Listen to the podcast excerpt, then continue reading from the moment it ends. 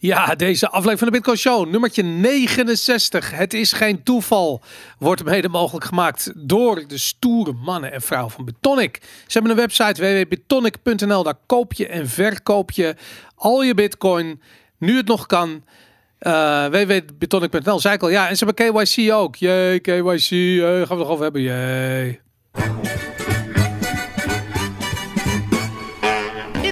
Bitcoin Show with our very special hosts, Aaron, Boris, en Jan Willem. Yay! Yay! De zitten we, Aaron, voor de 69ste de Bitcoin Show. Wie had het gedacht? Ongelooflijk. Geweldig. Ja. Hartstikke leuk. Daarom, inderdaad. Of niet dan? Uh, ja, ik, ik ben heel blij. Ik ben zo blij iedere keer dat we de Bitcoin Show opnemen. Weet je dat, dat dit, dit de eerste de Bitcoin Show is na 69 afleveringen. Waarbij ik uh, gewoon mijn telefoon pak, omdat ik wil weten wat de koers van Bitcoin is. Kijk even. Maar dit is ik dus... kan het je ook gewoon zo vertellen. Ja. Of wil je dat niet? Nou ja, dat mag. Je wil zelf ja. kijken op je telefoon. Ik wil allebei. Ik wil kijken en ik wil... De prijs is op dit moment op, Bitfin op Bitfinex in US dollars 18.140. 18.140 dollar. Op Bitfinex. Ongelooflijk. Ik heb hem op 18.165 dollar al staan. Uh, maar... Um... Ik ook nu. Ja, 1885. Ja, godverdomme, het gaat hard. Um, we hebben het er nooit over. We hebben het nooit over prijs. Nou, dat valt ook wel mee. Hè? Nee, maar we, we hebben het voornamelijk erover dat we het nooit over de prijs hebben. ja, de prijs we hebben het dus wel vaak over dat we het er nooit over hebben. We vaak over. Maar nu wil ik het ook niet, absoluut niet over de prijs hebben. Maar het is gewoon uh, um, opvallend dat we op dit ogenblik um, op een prijs zitten waar we slechts een handvol dagen, uit mijn hoofd drie dagen boven hebben gezeten. Ja, zoiets ja. ja. Een week hooguit denk nog, ik. Nee, nog niet eens. Ja. Want we waren uh, bij 17.000 was het al vijf dagen. Ja. En dat, nou volgens mij, als dit, misschien is het wel een dag geweest dat het hoger heeft gestaan dan nu, maar niet lang in ieder geval. Dus um, ja, we naderen de all-time high. Dat kan zomaar morgen uh, gebroken zijn als je dit luistert. Uh, het lijkt alsof er geen resistance meer is tot die uh, 19.996 dollar volgens mij wat het was. Nou, het lijkt me dat dat dan de resistance is. Dat gaat een, dat gaat een gigantische resistance. Dat, dat zal wel verduren, denk ik. Dat nee, denk ik ook, ja. Niet, niet dat ik... maar dat, dat is gewoon mijn verwachting. Nee, niet, ik geef er niks om. ik vind dat zo leuk ook. Dat, dat er zit zo er zit iets zo naars aan praten over die prijs. En het is zo, um, het is zo dubbel. Want er zit namelijk ook heel erg een soort gelijk krijgen in die prijs. Weet je, dat bitcoin die, die fucking bear market van vier jaar doorstaat. Weet je, we hebben die shit helemaal. Ik bedoel, iedereen die ook maar iets in bitcoin doet, die heeft alles wat hij heeft zien verdampen in de afgelopen vier jaar, bij wijze van spreken. Uh, of heeft het verkocht. Ik denk dat dat er ook nog eens een keer heel veel zijn. Die hebben het gewoon verkocht, hebben die uitgestapt zijn. Um, nee, dat blijkt. Anders zou het geen bear market zijn. En dat klopt inderdaad. Ja, nee, je hebt allemaal gelijk, heel scherp. Dus um, ja, nee, dat, dat, dat, dat was gewoon, ja, het was een lange koude winter. En nu zit er toch een soort gelijke aan te komen. En ik, ik zit dan omheen te kijken van ja, voor wie, wie, wie krijgt er nou eigenlijk gelijk, weet je. Maar ik kan tegenwoordig niet meer naar dit soort prijzen kijken en niet denken aan plan B scenario. Ik kan het gewoon niet loslaten. Ik vind, ik vind gewoon, ik denk dat, ik, ik doe het nog altijd vanaf de, de eerste podcast die ik van hem hoorde, denk ik, hij heeft gelijk. En uh, ik heb dat nog steeds. En uh, ik heb zoiets van, dit is hoe zijn gelijk eruit ziet. Ja. nee, ik kan dat wel loslaten. Ja? ja. je kan het loslaten. Ja, nee, ja, dat heb ik eerder gezegd. Ik bedoel, dat je een lijntje door kan trekken, daar hoef je volgens mij geen kwant voor te zijn. Ik geloof niet in het... het is wel ik geloof meer dan niet... een lijntje doortrekken. Ja, nou ja, dat zijn we dus met elkaar oneens. Ik geloof niet dat het door stock to flow komt, dat de prijs Nee, het gaat. komt ook niet door stock to flow. Dus, stock to flow laat zien wat er... Ja, dat geloof ik dus niet. Nou, nou ja, goed, oké. Okay. Hm. De rainbow chart klopt net zo goed, zeg maar. Ja, nou, dat kan. Misschien is de rainbow chart. Je weet het niet. Het is, achteraf is het altijd makkelijk, vooraf is het moeilijk. Maar um, nou goed, we gaan het niet over de prijs hebben. Maar ik denk dat iedereen die uh, nu naar de Bitcoin Show luistert, uh, dat met een soort hernieuwde interesse doet. Um, opvallend op zich.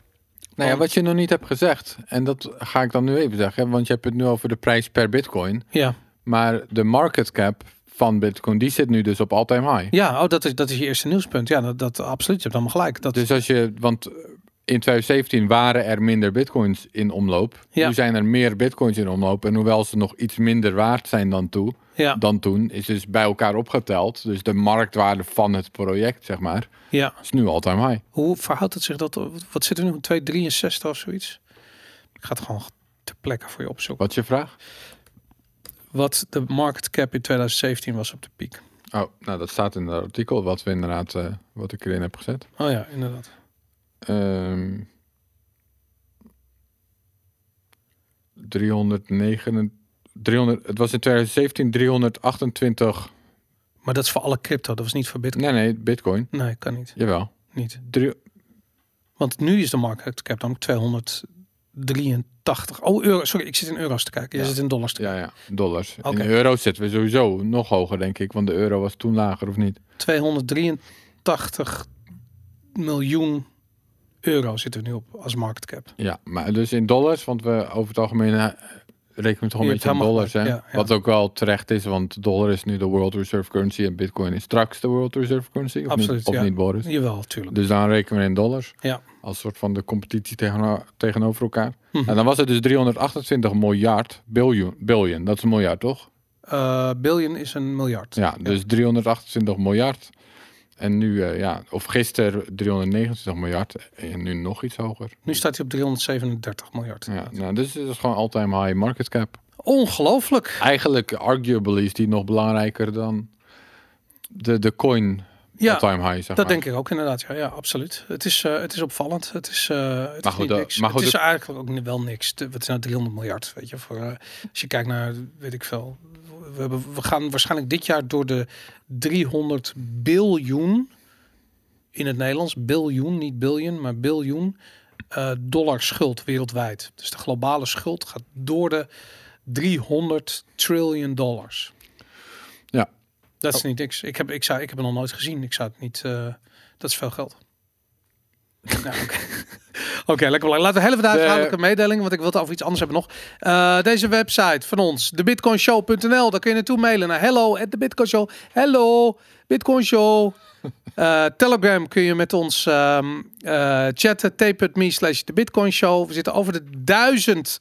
Ik, zei, ik vond me zo lachen. Iedereen zat, te- zat te, te emmeren. van, We zitten net op 995 eh, volgers, weet je. Maar wat er gebeurt, is dat er wordt altijd een soort purge gehouden. Wordt iedereen eruit geknikkerd. En terecht, want als je niet een eh, intelligente bijdrage doet, dan vlieg je eruit. En ehm, nu zaten we altijd onder de duizend. Iedereen we moeten over de duizend. Ik stuur een tweet. Zitten we op, op, op 1017 of zoiets, 1020, weet ik veel. Komt er gelijk weer iemand soort van... Nou, het wordt weer tijd voor een grote schoonmaak, weet je. Hop, iedereen er weer uit. Maar goed, dat is het mooie van eh t.me slash de Bitcoin Show. We kunnen altijd boven of onder de duizend zitten. Beide kan waar zijn.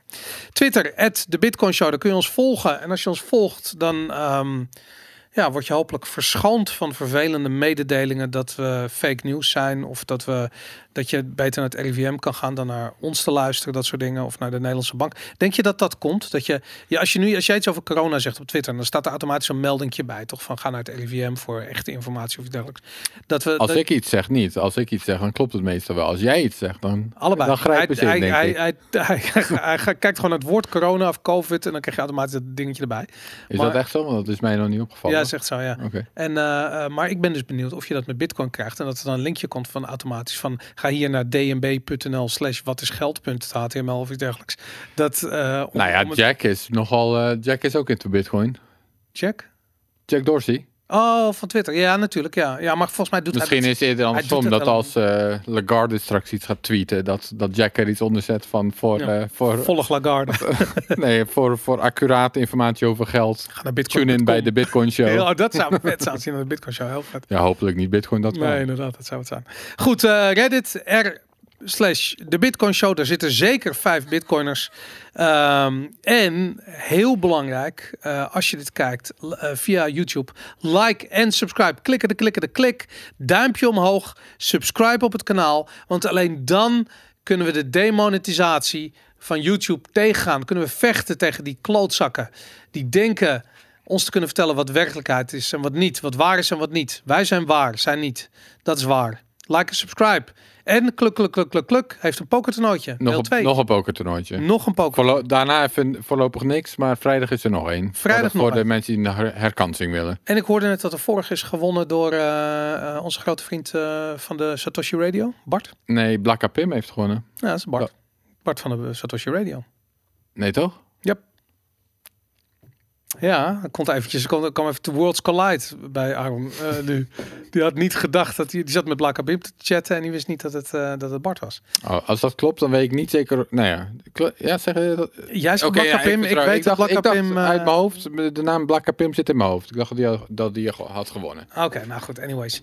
Ehm, even kijken, William... T.me slash kaaskoekje. Absoluut. En daar, daar leer je meer over hoe je mee Ja. kan doen aan het toernooitje. Tape Het is slash online natuurlijk, hè? Voor de mensen Kaaskoek. die dat Absoluut. We willen geen corona-verspreiders live in ons pokertoernooi. Nou goed, kluk, kluk, kluk, kluk, regelt dat allemaal. Ehm, ik wou het eventjes hebben over iets anders. Want ehm, we hebben het natuurlijk over die prijs gehad. Maar waar we het nog niet over gehad hebben, maar wel eh, buiten deze opnames om heel veel over gehad hebben al. Is het feit dat in de mainstream media nog niemand wakker is geworden als het om bitcoin gaat. Daar wilde ik net over beginnen Ja. voordat je met de huishoudelijke mededelingen begon. Dat dacht ik al. Daarom heb ik Inderdaad, die dus snel die huishoudelijke mededeling doorheen Maar laten we daar over de mainstream, ehm, eh, het negeren van, van die prijs. Of negeren is het verkeerde woord. Het volledig eh, niet eh, op de hoogte zijn van wat er gebeurt in Bitcoinland. Ja, maar goed, dat hebben we natuurlijk elke keer gezien. Die, dat komt op gang nadat. En Ja. dus niet de market cap altijd maar die we nu hebben. Daar hoor je nog niet zoveel over. Hoewel Ja. het begint nu een beetje te... Ik zag een artikeltje in FD van de week volgens mij. En gebruikt FD? Ja, die ik niet heb gelezen. Maar nee, natuurlijk niet. ik zag wel... Ja, maar voor mij was hij dus relatief positief nog een Oh keer. ja? keer. Ja, dat dacht Hier ik, ja. FD positief over Bitcoin? Dat heb ik nog nooit mee. Ik ook niet, dat kun je nagaan. Ja. Nou ja, vorige week of vorige keer dat ik was, ook al in The Economist natuurlijk. Dus zelfs als dat soort publicaties nu misschien na, ja, ze moeten ook wel een keer na acht jaar ongelijk te hebben, dat, dat ze toch een keer moeten gaan denken, goh, Ik moet je zeggen dat ik, ik moest laatst, ik moest laatst heel erg lachen om het FD. Omdat ik had een discussie met iemand die zichzelf een, een echte financieel analist vindt. En die, eh, die vertelde dat hoe belangrijk een abonnement op het FD is. En toen ik uitgelachen was, toen eh, hadden we het dus over, de, ehm, over, over wat hij dan daarin zoekt. En toen zei hij van, nou ja, weet je, je kunt eigenlijk niet zonder zo'n krant, omdat je anders niet op de hoogte blijft van het nieuws. Het is een soort van de wereld op zijn kop, maar als je niet op de hoogte blijft van het nieuws, is het makkelijk als het allemaal in een krant staat. Dus ik, ik had zoiets van, luister, als het in de krant staat, dan ben je echt letterlijk de aller, aller, aller, allerlaatste op de hele wereld die ervan te horen krijgt. Weet je, want dat is wat mainstream media is. Het is mainstream voor een reden. Het is voor tot- totdat het is doorgecijpeld bij eh, mensen die er echt geen enkel belang bij hebben om nieuws te brengen. En sterker nog, die het, die het nieuws van gisteren op een dode boom willen printen en het dan bij je door de brievenbus willen proppen en denken dat dat op een of andere manier dan nog relevant is tegen de tijd dat het aankomt. Dat, ehm, ja, dat, dat, dat zijn niet mensen die echt gebaat zijn bij, eh, bij, bij snel eh, het, het, het, het nieuwste nieuws bij je thuis krijgen als het ware. Dus ik had zoiets van, mainstream media bestaat toch ook online tegenwoordig. nou ja, maar het grappige is dat daar worden ze dus weggeconcureerd door platformen die vele malen sneller zijn met nieuws. En dat ja, is, maar soms ook minder accuraat. ik- ik maar, denk maar dat dat je is de prijs die je betaalt. En ik vind een heel goed voorbeeld vind ik Zero Hedge. Zero Hedge is een website, daar staat af en toe echt de meest krankzinnige onzin op. Echt serieus. Echt. En ik bedoel, ik hou best wel van een beetje een complottheorietje hier en daar, weet je. Ik bedoel, het kan, het kan, mag best wel. Maar Zero Hedge, die kan er wat van, weet je. En, eh, maar aan de andere kant, ze zijn, als er eens een keertje, als ze raak schieten, als ze eens een keertje gelijk hebben, Jesus Christ, dan staan ze ook wel als eerste vooraan. En eh, goed voorbeeld vond ik de hele coronacrisis. Daar waren zij vanaf dag één, zaten ze daar best wel bovenop. En kritisch, eh, kritisch naar de Chinese af, want dat was toen alleen China. waren heel kritisch over wat er gebeurde. eh, trokken de, de, het officiële verhaal in twijfel. En achteraf gezien, spot on zaten ze. En ik denk dat ehm, wat dat betreft, denk ik van ja, dat soort platformen waarbij het hit or miss is. Als het hit is, dan is het echt heel goed.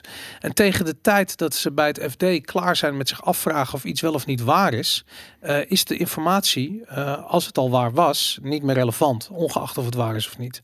En dat is het probleem met mainstream media. Dat het is zo ontzettend traag. En daarom zien we nu ook helemaal niemand eh, in mainstream media wakker worden en iets schrijven over van luister jongen, de jongens, er is iets aan de hand. En het lijkt er toch wel op dat plan B gelijk gaat krijgen. En als dat zo is, dat betekent dat we straks naar een bitcoinprijs van, eh, weet ik veel, om en bij de drie ton zitten te kijken. En wat betekent dat precies voor de financiële wereld? Wat, wat, gebeurt er als dat gebeurt? Weet je, wat, wat zijn de gevolgen daarvan? Nou, ik, het is echt krekels en, en vogeltjes en weet ik van, maar tumbleweed komt er voorbij. Maar voor de rest niks in het, FD, weet je. Ja, had een tijdje geleden een tweetstorm. Ik ben soms best wel fan van Balaji. Ik heb hem al meerdere keren aangehaald in Ja. deze show. hè. Dus Ja. Hij was een tijdje bij Coinbase zat hij. En daarvoor had hij 21.inc. En dat 21 was niet echt een succes. Maar eh, Mhm. slimme gast verder. Een van die Silicon Valley denkers, om hem zo te noemen. Mhm. Silicon Valley intellectuelen, zeg maar. Ja. Eh, ja, die, eh, die had een keer een tweetstorm waarin hij drie soorten mensen onderscheidde. Ja. En hij zei, je had pre-headline mensen. Ja. En dan had je de headline mensen. En dan had je de... Ik weet niet meer wat die der- hoe die derde categorie nou heette. Nederlanders. Nee, de, de, de pre-line... Hoezo Nederlanders? Het sheeple. Nou, dat zou je dan eerder nog post of de headline people noemen. Ik ga het uitleggen. Oké, en dan ja, kan je daarna com is- commentariëren. Oké. Dus de pre-headline mensen, dat zijn mensen die kunnen kijken naar, die kunnen informatie zoeken op het internet of waar dan ook. En die kunnen Mhm. dan op basis van informatie vergelijken en kijken of iets betrouwbaar is en naar de data kijken en zo kunnen Ja. bepalen of iets waar is Mhm. voordat het in de krant staat. Ja. Dus ook al staat nog niet in de krant dat er, en zijn tweetstorm ging in die tijd over de pandemie, dat er een pandemie zit aan te komen, dan kun je Mhm. wel al zien van nee, dit gaat gebeuren. Ja. En dan heb je de post-headline mensen of de headline mensen, die nemen dat, die zijn daar niet mee bezig en die geloven iets pas iets als het in de mainstream media staat. Dan Ja. is dat zeg maar wat ze nodig hebben. Ja. En dan zijn er de mensen, dat is dan de derde categorie waarvan ik de naam even ben vergeten, en die geloven alles wat Dat ze zijn de lezen. sheeple. Ja. Nee, die geloven alles wat ze lezen. Ah, Alles wat ze lezen. Dat zijn- Ongeacht of het, of het... De, maar die hebben geen filter. Gewoon als het, als het tegenkomen op Facebook, dan is het waar. Oh ja joh? Dat vind Dat ik zijn, raar. dat zijn de drie. Maar hoe ga je dan de eerste categorie van de derde categorie eh, onderscheiden? Ja, dat moeten. Dat, de eerste categorie, die zijn dus goed in kritisch kijken naar de data die ze Ja, maar ik snap dat ze het zelf wel vinden. Kijk, ik word vaak ervan beschuldigd dat ik bij de derde categorie eh, hoor, terwijl Ja. ik mezelf bij de eerste categorie vind horen. Dus eh, dan, dan denk ik van ja, weet je, ik bedoel, het maakt mij niet uit wat mensen denken. Maar ik heb zoiets van dat die twee dingen kunnen best wel elkaar weer tegenkomen. Dat de eerste en de derde categorie. Want ik denk namelijk dat je, wat jij nu ook doet, dat je zegt ja, als Balaji het zegt, dan, dan, dan, dan ben je geneigd naar te luisteren. Iedereen heeft zo zijn voorkeur voor bepaalde kanalen of bepaalde mensen of ehm, bepaalde journalisten, weet je. Ik Ja, bedoel, ik, heb, ik heb de termen gevonden. Oh, wat is het? dus term? de term is: de post-headline people only believe things that are already in print. Uh-huh. No filter people forget it, they'll believe anything. Mhm. Pre-headline people will listen to a rational argument and look at primary data. Oké, ja, nou goed, oké, eh, duidelijk. Ja, we kijken inderdaad. Heel veel me 1 en 3 die zullen hetzelfde van zichzelf denken. Ja. Dat, daar heb je waarschijnlijk gelijk in. Nee, betekent niet dat er geen onderscheid is, is tussen die twee. Ik vind het mooi. Het is ook duidelijk, en dat zie je ook bijvoorbeeld naar de luister- en de kijkcijfers van de Bitcoin Show, dat eh, wij bereiken pre-headline people. Dat is ook waarom we niet, weet ik veel, 200.000 views of listens per aflevering hebben. Want dan zouden we no filter people hebben, als het ware. Weet je, ik bedoel, dat is. Nou, die zullen we ook wel hebben, toch? Nee, ik denk het niet. Wij hebben alleen intelligente... We hebben alleen de meest intelligente pre-headliner. Dit is, ik denk dat we de titel ook bijna te pakken hebben trouwens. Dit is voor de pre-headliner people. Ehm, maar ik zei net Nederlanders, alsof de Nederlanders alleen maar sheeple zijn. Maar dat, dat bedoel ik eigenlijk helemaal niet. zo. Ik vind eigenlijk dat in Nederland eh, mensen best wel down to earth zijn en, en, en kritisch. Over het algemeen. Kijk, het merendeel van alle Nederlanders zal Wat hij zegt over, want je hebt het over Sheeple, maar even voor duidelijkheid. Hij zegt dat pre-headline people en, oké, of eigenlijk wat hij zegt, post-headline people, Mhm. dat zijn niet per se domme mensen of zo. Nee. Het zijn gewoon mensen die, en hij maakt een bitcoin-anarchie, die meer bevestigingen nodig hebben voordat ze een transactie accepteren.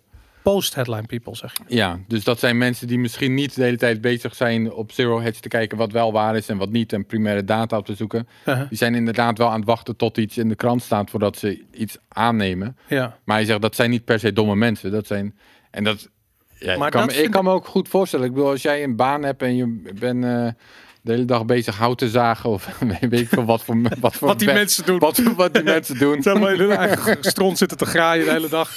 Weet je, als je daar druk mee bezig En je hebt kinderen die je, weet ik Nou, veel, en je hebt, je hebt het gewoon druk. Dan, dan heb je toch ook niet de hele tijd heb je geen tijd de om je hersens te zero gebruiken. head. Nee, dat kan ik me voorstellen dat je als heuristic gebruikt van, nou, ik ga uit van wat in de krant staat. Ja, Want die mensen hebben wel de hele dag de tijd om uit te zoeken wat waar is en niet. En dan ga ik daar gewoon van uit. Dat ja. hoeft helemaal niet te betekenen dat je minder intelligent bent of zo. Maar Nou, ik, ik laat ik zo zeggen, ik heb ergens mijn hele leven dat ik al een soort strijd heb tegen die van wat er in de krant staat is waar. En het ironische is dat ik zelf natuurlijk ook uiteindelijk in de media ben gaan werken. Maar eh, eh, als je dat, dat proces van beide kanten bekijkt, dan is het een lachwekkend proces. Weet je, alsof er een of andere drempel is van eh, waar van kritisch denken voordat iets in de krant komt. Weet je, ik bedoel, dat is echt, eh, dat is dezelfde guy die met een kater eh, dronken thuis komt, of die dronken thuis komt en erachter komt dat hij nog een stukje moet inleveren, weet je. En dat, dat gewoon straal bezopen op zijn laptop in elkaar ratst en naar de eindredactie stuurt, zodat het de volgende ochtend Ja, mee zo werkte jij bij Power Unlimited. Zo werkte alles. zo werkte alles, Aaron. Echt waar, serieus. Dat, eh, Nee, ik denk dat, want daar verschillen we wel een beetje in. Ik denk dat eh, journalisten, en ik ken er natuurlijk ook, eh, ik ken ik heb ook journalistiek gestudeerd en ik kom wel uit de wereld. Ik denk, je kan wel zeggen dat er, dat, heb je dat vak niet gehad? Dat, wat je doet als je dronken thuis is achter de deadlines volgende ochtend? ja, dat is embedded in elk vak. Daarom. Maar ehm, nee, ik denk, het is, er is hooguit denk ik wel een soort van je kop niet te ver boven het ma maaiveld uitsteken cultuur. Daar had eh Gustav Bessems had daar ook een stuk over wat we in deze show een keer hebben besproken. Dat ging ook in die begintijd over corona. Dat, het, dat hij het een tijdje heel moeilijk vond Ja, om een kritisch stuk te schrijven van wat zijn ze nou eigenlijk aan het doen. Omdat hij dacht van nou ze zullen het wel weten. ja. En dat zo'n cultuur die leeft wel een beetje denk ik. En inderdaad als je bij het FD werkt en het is 2015 ja. dan ga je niet een positief stuk schrijven over Bitcoin. Want denkt iedereen, waar fuck ben je mee bezig? En Ja. eh, ik zeg, eh, dan gaan mensen een abonnement misschien opzeggen, weet ik veel.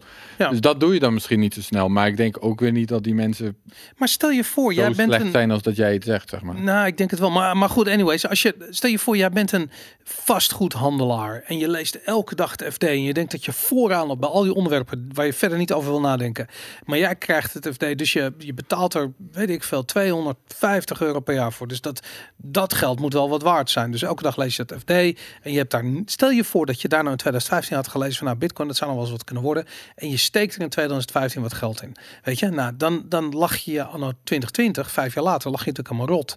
Eh, zeker als je er toen veel geld in had gestoken. Weet je, ik bedoel, de rest van ons zullen het met die paar satoshis moeten ze doen. Maar, maar mensen die het FD lezen, die geld hebben, die succesvol zijn in ondernemen, nou, die hadden daar eh, echt een voordeel mee kunnen doen. En nu zie je gewoon van ja, het FD heeft dat nagelaten. Die heeft dat niet, die heeft alleen wat, wat hype stukjes in 2017 op de piek geschreven. En waarschijnlijk van dat het allemaal weer gaat instorten. Nou goed, en dan, dan zie je bijvoorbeeld zo'n verhaal van, van, van, eh, van plan B. Waarbij ik zoiets heb. Ik vind het gods onmogelijk dat zijn verhaal niet wordt opgepikt. Dat vind ik bizar. Als je kijkt wat voor Maar bullshit. zijn verhaal wordt juist wel opgepikt, toch? Maar niet, niet in het FD, niet in, niet in mainstream, niet op RTL Z, niet op, niet op. Weet je, Willem Middelkoop heeft het een keertje genoemd daar. eh, dat kan, weet je, maar, maar die mensen zelf zullen dit allemaal niet oppikken. ja, Terwijl, maar indirect. Indirect? Nee, ook niet. Bijvoorbeeld, dus eh, had die Duitse bank die op een gegeven moment dat verhaal van plan B daarmee aan Ja, de haal ging. Die En hebben een rapport geschreven, klopt, ja, ja, het land, en komt zoiets ook niet in het FD terecht een keer. Nee, ze schrijven er niet over. En dat, is, dat, dat vind ik gewoon, eh, ik vind het gewoon opvallend. En als er wat over geschreven wordt, dan zijn het een soort van lachwekkend slecht geschreven eh onzinargumenten. Bitcoin gebruikt veel energie, dat soort bullshit, dat hoor je dan voorbij komen. En ik vind dat, ja, ik vind dat gewoon opvallend. En daarom dat ik me ook eigenlijk, eh, en daar wil ik eigenlijk een beetje aan toe, maar ik, ik, ik, ik, zie, ik zie op tegen waarschijnlijk volgende week, als we die all-time high eh, gebroken hebben of er tegenaan zitten, dat al die debielen weer opbellen en zeggen van, kun je alsjeblieft een stukje, kun je dit, kun je toelichting geven, mogen we je even vragen? En dan komt er weer de, Nou, ik hoop vooral, waar ik me vooral heel erg aan stoor, is dat ze... Ik ben bang dat ze straks dan weer Kees de Kort voor de microfoon slepen of zo. maar Kees de Weet Kort, wel, ik al- hou die het- serieus, hij is fantastisch, maar Ja, hij weet niks van Bitcoin. Nee, precies. Maar hij heeft het al acht jaar fout. Ja. En dan toch, omdat hij dan de financiële expert is, halen ze hem weer voor de... Kees de Kort niet het probleem hoor. Ik ken nog een paar andere Ja, voorbeelden. ja, ik noem even iemand omdat ik hem zo verschrikkelijk slecht vond in de CryptoCast laatst. Daar- Oh, daar-. Daarom noem ik hem even, maar er zijn er wel meer inderdaad. Ah, Oké, oké, oké. Had je dat geluisterd? Dat, Nee, dat was geluisterd. echt een, eh, dat was echt een aanfluiting. Oké. Eh, maar dat ze, weer, dat, dat ze weer types voor de microfoon en de camera gaan halen die het al acht jaar fout hebben. Ja, Terwijl ik zeg, zou je dan niet nu eens een keer iemand voor een microfoon en camera halen die het al acht jaar goed hebt? Dat Ja. zou ik zeggen. Ik bedoel, er komt een punt dat je misschien moet gaan concluderen dat die mensen niet weten waar ze het over hebben, wat het geval is. Maar ik, om heel eerlijk te zijn, ik, ik heb wel het gevoel dat ik benaderd word door die. Ja, jij, jij bent wel een paar keer op RTL geweest. Zo, en, eh, ja, en bij BNR nog wel eens, maar ook veel over videogames. Maar RTL maar kijk je daar tegenop dan? Eh, nou, niet. Ik heb liever dat ze jou voor de camera halen dan dus Kees de Kort om iemand Ja, te oké, noemen. maar ik, ik vind dat ik, ik kijk er niet tegenop om dat te doen, maar ik kijk er tegenop over de.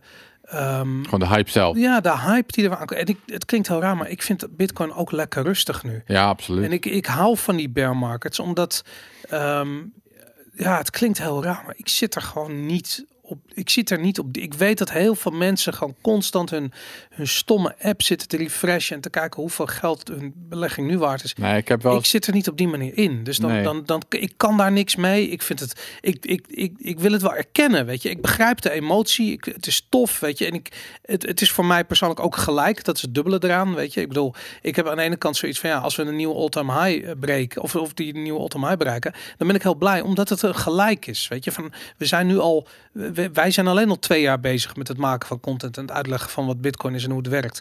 En eh, eh, weet je, in, in, eh, jij bent er al veel langer mee bezig dan ik. Jij doet dat al jaren, ben je dat aan het doen. En ehm, ja, weet je, dan, heb, dan krijg je een soort van gelijk. Dat is Nee, gewoon heel fijn. de analogie die ik misschien ook een keer in deze show heb gemaakt, maar dat weet ik niet zeker. Kijk, ik heb een jaar in Barcelona gewoon, of Mhm. iets langer, of hang, hangt vanaf hoe je rekent. Ja. Ik ben daar een tijdje geweest, laat ik zo zeggen. Ehm, dan, dan heb je ook die, de, de seizoenen wegen daar heel zwaar, zeg maar. Hè? Omdat in de zomer, dan is het toeristenseizoen. Ja, En dan die hele stad raakt totaal overbevolkt met allemaal toeristen. En je kan niet meer normaal door de straat lopen. Weet je, Ja. voor je eigen huis ben je aan het waggelen omdat het zo druk Ja. is met toeristen. En het is ook nog eens knijterheet wat ik niet trek. Hm. En Uh-huh. het strand ligt bomvol en elk restaurant is bomvol. En alle, je wordt helemaal gek. En ik wilde daar ook eigenlijk niet zo zijn in de zomer. En, maar dan wordt het op een gegeven moment dus weer herfst, dan wordt het winter. ja. En dan blijf je over met de mensen die gewoon echt in Barcelona willen zijn. En dan is het een heel leuke stad. ja. Misschien heb je, jij woont eh, aan het strand geloof ik ergens. En eh, dat, dat wordt misschien ook helemaal overladen met Duitsers. Ja, in ieder ja, geval, ik, ik ben opgegroeid in de buurt van Schagen, of in. Schagen. En daar heb je ook heb je dat ook. dan Ja. kan, al die de zomer. Je wordt Ja. helemaal gek. Al die toeristen, dat to- toeristenseizoen. En dat heb je dus met bitcoin als de Nu, prijs weer. Het Dan toeristenseizoen krijg je begint. toeristenseizoen en dat is wel vermoeiend. En eigenlijk is de winter veel fijner. Als je hier gewoon bent met mensen die die technologie interessant vinden en, de, en erin zitten voor hoe ze is- willen dat geld werkt en de, de- aan nadenken zijn over hoe de wereld dan zou kunnen werken. En, en dat is eigenlijk een veel leukere periode. En dan die toeristen. Ja, nou ook omdat, omdat in het, in het, in het off-season, als de toeristen er niet zijn, dan vindt die development plaats van al die nieuwe, nieuwe implementaties en technieken en weet ik veel. En in het toeristenseizoen, dan is het pleisters plakken, redden wat er te redden valt. Alle services gaan plat. Ook dat. Alle- ik bedoel, er is geen hardware wallet meer te koop. Ik, ik kan me nog herinneren in, in 2017 dat mensen geld betaalden voor Bittrex accounts en Poloniex accounts en dat soort dingen. Omdat Is dat zo? ja, ja, dat weet ik nog. En nog veel ook. Gewoon echt duizend dollar en zo. Weet je, omdat ze gewoon, ze moesten hun shitcoins hebben. Want die, da- dan word je rijk. Ja. Ja, fees natuurlijk gaan Ja. ook weer door het dak. dat krijg je ook inderdaad. En dan vind ik het nu, gelukkig valt het nog mee. Dat vind ik echt opvallend, man. Dat Bitcoin nu bijna 19.000 dollar waard is. En ik gewoon voor één Satoshi per byte een, een transactie kan sturen. Geen probleem. Ja. En die komt gewoon de volgende dag aan. Geen probleem. En dat, eh, dat vind ik opvallend. Dus dat. eh, Maar goed, jij bent toch ook, jij was volgens mij al met gamen bezig voordat dat iets was. Voordat dat, dat echt niche was. Ja, En op een gegeven moment heb je de Eternal September gehad. ja, dus, ik, dus voor de mensen die dat niet weten, moet ik uitleggen wat Eternal September is? Of tuurlijk, weten ja. mensen dat wel? nee, ik weet zelf ook niet wat Eternal September. Oh, weet je het niet? Nee, maar ik, ik ben Oh, je speelt even, als, je speelt even journalist. Ja, daarom. Ja. Vertel Aaron, wat is de Eternal September? Oké, de Eternal September. ja, die- Er zitten vast nerds te luisteren die vinden dat ik het niet helemaal goed uitleg. Maar dus het, op een gegeven moment had je internet bestond. En maar dat had je in de vroege fase had je dat alleen op universiteiten. Of met name op universiteiten, of alleen op universiteiten. En aan elke september kwam er een nieuwe groep studenten online. Ja. En de eerste jaar, die kwamen voor het eerst naar de universiteit. Op een campus gingen zo en dan kregen ze voor het eerst toegang tot internet. Nou, je had rond die tijd had je al internetcultuur of internet, hoe, wat is een beter woorden voor? Ehm, hoe, hoe je met elkaar omgaat. Ehm, Netiquette. Ja. Netiquette, inderdaad. Dus je had, Zo even terug naar de 90s. Heel- de heel goed. netiquette. dus je had netiquette, een bepaalde manier van hoe, je, hoe iedereen met elkaar omging op het internet. En, Ja. en wat je wel deed en wat je niet deed. En dan elke september kwam er dus weer een nieuwe groep studenten. En dan eh, was dat eigenlijk voor de mensen die al op het internet zaten een soort van vervelend. Want al die nieuwe studenten die kenden de netiquette niet. Ja. En dan duurde dat een paar weken. Dus dan gedurende september was het even vervelend en chaos. Totdat die nieuwe studenten een beetje de netiquette leerden. Ja. En dan was de rest van het jaar weer fijn. Mhm. Nou, dat had je dus elke september. Elke september weer een nieuwe groep studenten. Toen op een gegeven moment in 19...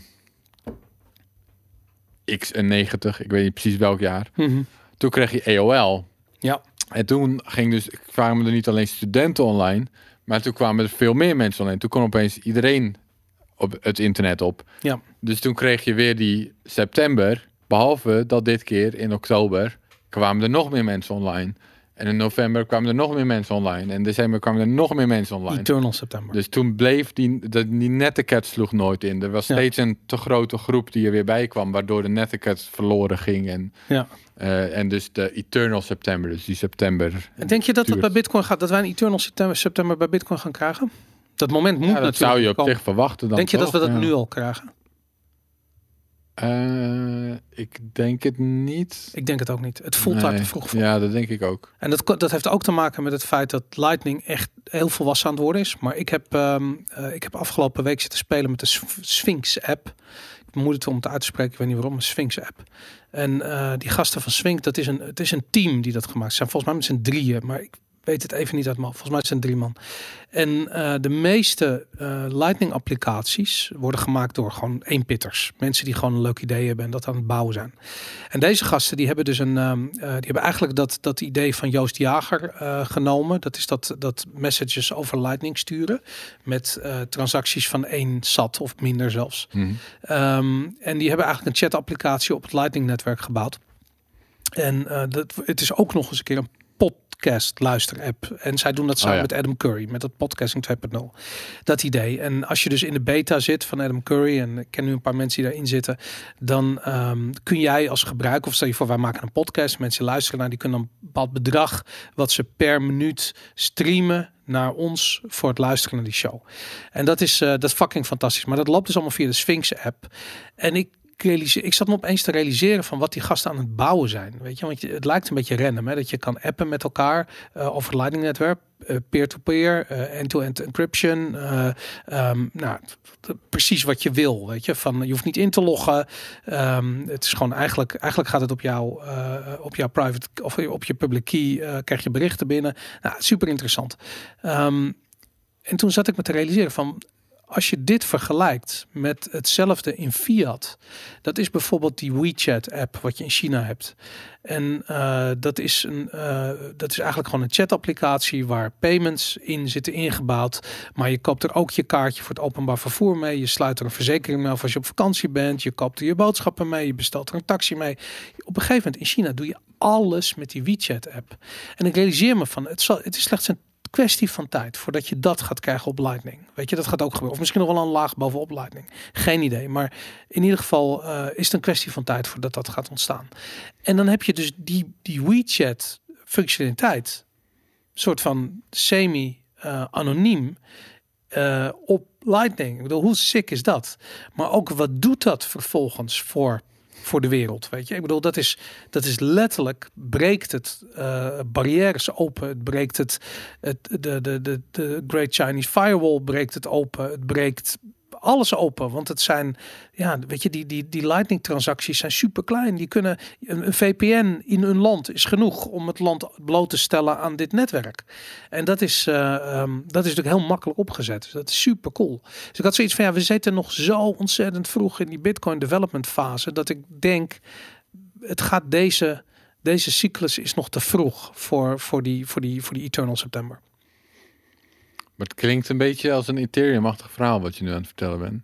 Eh, Nee, Eh, het is Lightning, het is geen eh, Ethereum. Ja, nee, dat snap ik. Maar is het nodig om altijd dat soort dingen op Lightning te doen überhaupt? Als het om betalen gaat wel. Ja, dat wel. Maar de, en dat is het. Het zijn allemaal dingen. functionaliteiten die om betalen draaien. Ja, oké. Dus en ik bedoel dat chatten, daarvan kun je afvragen. Nee, maar dan kan je dus ook zeggen, je kunt toch ook je kan toch ook andersom doen. Dat je gewoon een app hebt die op een server wordt gehost en die gebruikt Lightning als betalingen. Je hoeft er niet per se op, eh, de, de laag, de layer hoeft er niet per se op Lightning te zitten in die zin. Eh, ja, het dus die, die Dat- Lightning messages zelf gebruikt en zo. denk je dat er zitten er nadelen aan om het wel op Lightning te doen? Ja, dat denk ik wel. Ik, denk, ik bedoel, dan moet je bijvoorbeeld, het kost sowieso iets aan geld. Je moet, Soms je- niet, hè? Soms kost het gewoon nul sats. Een Ja, transactie kan nul. maar soms dus ook wel. Ja. Eh, dan moet, weet ik wel. Dan heb je dan ja, maar je moet je nog steeds je channel balances goed hebben. En, Ja, maar het is dus ook. het kan allemaal wel, maar waarom zou je zeg maar? Ik bedoel, het is nog makkelijker om het op een server te hosten. Als het iets is wat verder niet Ja, verboden maar is. dat, is voor, dat geldt voor Bitcoin ook. Het is makkelijker om het op een server te hosten. Ja, maar dat, ja, oké, maar dat wordt dan dus afgesloten bijvoorbeeld. Ja, maar dat zoals is- we in het verleden hebben gezien. Maar waarom zou dat gebeuren bij een reisverzekering? Eh, maar het gaat niet om migratie, het gaat om, het gaat om communicatie. Dus het gaat om de communicatie met het bureau dat reisverzekering verkoopt. En Ja, maar waarom zou dat worden verboden? Waarom, waarom, waarom heeft iemand Omdat daar jij problemen mee? corona-vaccin niet genomen hebt op tijd en daardoor eh, niet volgens de wet verzekerd, weet ik veel. Oké, maar dan...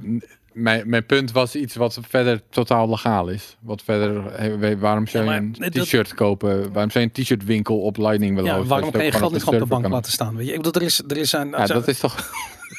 het is toch tof dat je niemand hoeft te vertrouwen. Het is toch tof dat het decentraal is. En dat Ja, het, maar dat vind ik een beetje een Ethereum verhaal dus nu. Ja, het is tof, maar ik bedoel... maar als- Ethereum als is niet het- decentraal. Nee, daar heb je wel gelijk in. Maar het is nog steeds ook onnodig om het allemaal zo Ja, maar moeilijk te laat de doen. Als markt het ook dat makkelijk... bepalen. Als jij zegt, Ja, ja, maar je hebt denk- gelijk. je Je hebt- gaat zo meteen een... Ja, maar de markt gaat dan dus bepalen dat de makkelijkste optie het beste is. Ja, Verwacht ik. Tenzij de beste optie beter is dan de makkelijkste optie. En dat, ga je, dat heb je. in- Bitcoin is een ontzettend omslachtig eh, manier om iets heel direct te doen.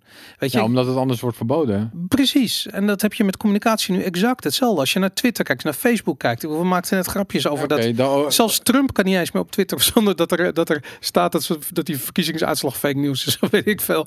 Weet je, hij krijgt gewoon meldingen. De fucking de president van Amerika krijgt een melding onder zijn tweet dat, het, dat je voor de echte informatie ergens anders moet wezen. Ik bedoel, wat de fuck voor Ja, nou, waarom niet? De, de, de president van de V is toch geen autoriteit van eh, waarheid? Ja, ik ben het helemaal eens. Maar zet bij iedereen die waarschuwing neer. Weet je, de kans dat het onzin is, is altijd meer dan 50%. Maar het, het, waar het mij om te doen is, is dat er, zodra je mensen de mogelijkheid geeft om eh, zich te bemoeien met communicatie, dan zullen ze het doen. Er is altijd een incentive om dat te doen. Nee, we zijn het wel met elkaar eens wat dat betreft. Alleen mijn vraag is, waarom zou je een t-shirt shop op Lightning willen hosten in plaats van gewoon op een server? Nee, maar je wil gewoon betalen. Tuurlijk, je hebt geen t-shirt, of decentrale t-shirt shop Nee, heb je niet nodig. dat Dat ben ik helemaal met je eens. En inderdaad, misschien, ik, ik, wil, ik gaf het voorbeeld van WeChat, dat het als betaaldienst eh, eh, gewoon eh, veel gebruikt wordt. En wat er gebeurt is dat je waarschijnlijk ook niet de levensverzekering of de verzekering op die dienst hebt. Die dienst heeft gewoon die WeChat betalingen geïntegreerd. Dat is waar het om gaat. Je Ja. betaalt ermee. Dus net als dat je met Lightning zo meteen jouw verzekering eh, wil niet zeggen dat de verzekeringsmaatschappij een soort van blockchain moet hebben waar ze hun verzekeringsproduct op zetten. Dat, Precies. dat, dat gebeurt niet. Het gaat om de integratie van die betalingen. Wat BTC Server in feite nu gebouwd heeft en wat zo meteen ongetwijfeld nog veel beter. Het is al heel goed, maar nog veel beter wordt. En gaat iedereen dat standaard draaien? Ik bedoel, het feit dat je een eh, dat je betalingen kunt accepteren met op een Raspberry Pi als je in een winkel bent, dat is eh, net zo revolutionair als het feit dat je eh, kunt betalen zonder gebruik te maken van je bank. Want het is dat is echt een, een volledig dichtgetimmerde kutindustrie. Waar of je nou Ideal betaalt of eh, accepteert of PayPal of iets anders. Je betaalt je groene geel aan al die gasten. En BTP server lost dat gewoon op. Dus dat is een kwestie van tijd voordat iedereen dat gaat doen. Nou, dan, is, dan is het logisch dat dat via Lightning allemaal in elkaar haakt. En dat dat de beste oplossing is. Waarom? Omdat het de goedkoopste oplossing en de veiligste oplossing is. Ja, ik ben er niet van overtuigd dat het een goedkoopste oplossing zal zijn. Zelfs Lightning niet. Nou ja, dat, dat, dat zou, daar zou je best wel gelijk in kunnen hebben. Wat je met die chat Ik, ik denk dus ook, dat hebben we het eerder over gehad. Ik denk dat het goed zou zijn als, en we zien daar nu een beginnetje van, dat PayPal Bitcoin als betalingsoptie integreert. Ja, ja je, de- inderdaad, Ja, het jij, is moeilijk. jij, jij hebt een eh, hekel aan PayPal. Jij, jij, ben, jij zit aan de verkoperkant en dan merk je dat het gewoon vervelend is. Nou, je zit gewoon letterlijk met je ballen tussen een bankschroef. En als PayPal gewoon even niest, dan eh, zitten je ballen strakker. Weet je, dat is gewoon, het is gewoon een ontzettend ongemakkelijke situatie om in te verkeren. En Ja. dat is dat. Maar het is, eh, je kan met Lightning en Bitcoin en dat soort dingen wel een alternatief bieden. En daardoor, kan, daardoor moet PayPal iets meer oppassen of ze wel of niet gaan niezen. precies. Ja, dat ja. wel, dat wel. Maar ik denk niet dat het per se goedkoper wordt. Nee, dat zou kunnen. Wat je hebt met die chat-apps, Ablo, wat interessant is, dat kost een, een, een satoshi om te versturen. Nou, stel je voor in een gekke wereld, een satoshi is 1 euro waard. Dat is nogal een duur bericht om te sturen. Maar het, aan de andere kant, als je, je krijgt een bericht, krijg je ook een euro. Weet je, dus dat is, eh, er wordt niet altijd een fee verwacht eh, voor de. Nee, dan door- krijg je maar geen euro. Nee, ja, Ja, dat is dus. je dat- moet ook wel letterlijk een fee betalen natuurlijk. Hè, op, niet op altijd. Dat is, hangt dus af Maar van. dat verwacht ik op de lange termijn in principe wel. Ja, nou ja, dat lijkt me ook. Maar nu is dat, nu is bijvoorbeeld, eh, ik denk, ik, ik durf er niet, niet zo veel lightning transacties doe ik nou ook niet. Maar het komt heel vaak voor dat ik transacties doe waar gewoon letterlijk geen fee aan vast zit. Ja, nou je zou wel kunnen denken dat je op een gegeven moment dat iemand een transactie voor je wil doen gratis, omdat ze dan daarmee hun eigen channels rebalancen op een manier die voor hun prettig is. Dat zou kunnen. Dat zou wel kunnen. Ja. Sterker nog, met die logica zou je zelfs negatieve fees kunnen krijgen of niet. Oh mijn god, daar gaan we. Negatieve rente, klinkt het. Negatieve fees. Dat mensen dat iemand- betalen om... Ja, zou het niet kunnen? Volgens mij zijn zit er... even hard op te denken hoor, of is dat je hebt nooit toch logisch? allemaal andere eh, rebalancing tools al die nu gebouwd worden. Ja, maar die kosten dan dus ook fees. Dus dan gebruik je Ja. eigenlijk iemand anders betaling als jouw rebalancing tool. En dan zeg je van als je nou via mij betaalt, dan krijg je ook nog een cent. Ah, Oké, nou, d- Me- interessant. misschien toch? Dat zou misschien dat zou wel heel interessant zijn als dat zou werken. Nou, tof. In ieder geval, eh, ja, we staan dus aan de vooravond van, eh, van de mainstream media die wakker wordt. Eh, dan, wordt het, dan wordt het opnieuw september. Toeristenseizoen breekt weer aan. Ehm, ja, gekkenhuis. Eh, Het is ook altijd wel leuk toch, op een bepaalde manier. nou ja, dat, dat is het ook, weet je. Het is ergens, eh, het, is, het brengt leven in de Ik brouwerij. ben altijd vooral blij als het weer over is, denk ik. Ja, nee, daar ben ik met je eens. Mocht je nog een, eh, weet ik veel, een hardware wallet willen kopen, een t-shirt eh, met een Bitcoin logo erop of een account willen openen op een of andere exchange, doe het nu voordat de gekte begint. Ook als je bijvoorbeeld nog een transactie moet doen. We hebben laatst al gezien dat de fees ontzettend hoog waren. Nu zijn ze weer eh, laag. Prima tijd om nog even een coin jointje te doen of iets anders geks. Ehm, Of cold storage, hè? Als Even naar cold je- storage, eh, je, je moet eigenlijk uitgaan eh, als soort van stelregel. Stel nou dat Bitcoin tien keer meer waard is dan nu. ja, Voel je je dan comfortabel met je huidige cold storage setup? ja, Want als je dat dan moet gaan doen, dan kan dat heel veel stress opleveren Ja. en zo. Terwijl dus, en overigens, ik wil je niet suggereren dat de prijs per se keer 10 gaat of zo, maar het kan. het kan zo. We- ja. Zeker within the realm of possibility. Nou, het is niet Dus dan moet je nu eigenlijk denken van, oké, ben ik comfortabel met mijn cold storage? Ja. En zo niet met een, stel dat het prijsding zo hoog is, dan is nu dus een beetje het punt dat je dat wel eh, ongeveer op orde moet gaan krijgen. Nou goed, dat, eh, dat dus. Doe dat nu, want nu kan het nog. En eh, straks komen de toeristen. En dan is er nergens meer een tafeltje te krijgen. Serieus, de prijs van het bier gaat ook omhoog dan, hè?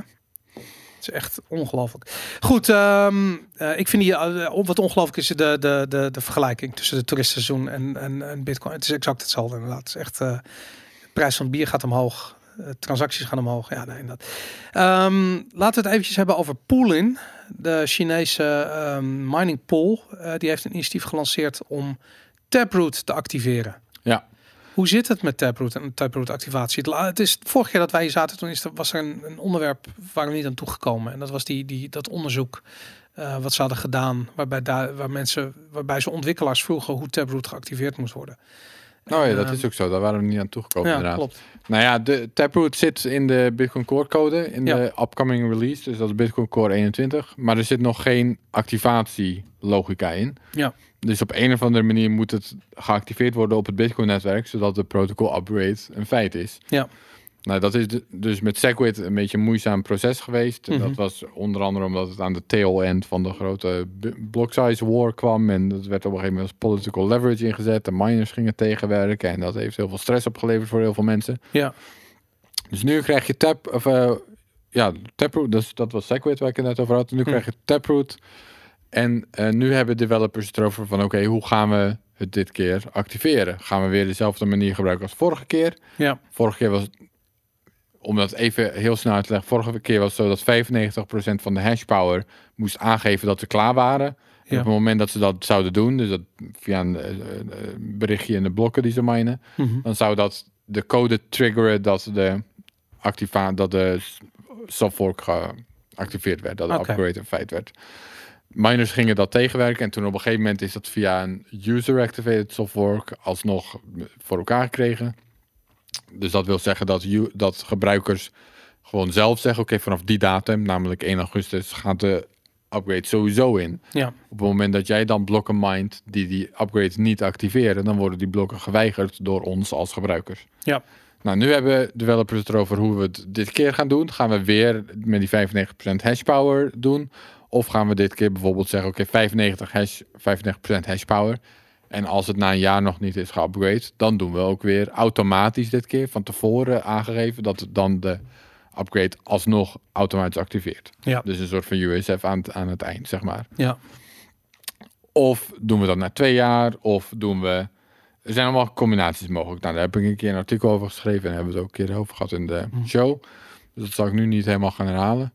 Maar wat nu interessant is, is dat Poolin, dat is dus de op één na grootste Bitcoin mining pool, waar onder andere alle Sandro van werkt, die hier een keer in de Ja. show was, een paar eh, weken geleden. Eh, die hebben nu het initiatief genomen om te zeggen, jongens, we gaan Taproot activeren. Wij willen Taproot activeren.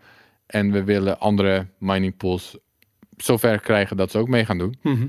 Dus dat is, eh, het is, het is zeg maar interessant, grappig dat de developers zijn nu heel erg aan het nadenken hoe- over, oké, hoe gaan we dit doen als de miners weer gaan tegenwerken? Ja, Terwijl je krijgt nu dus miners die zeggen, let's go jongens. ja, ja.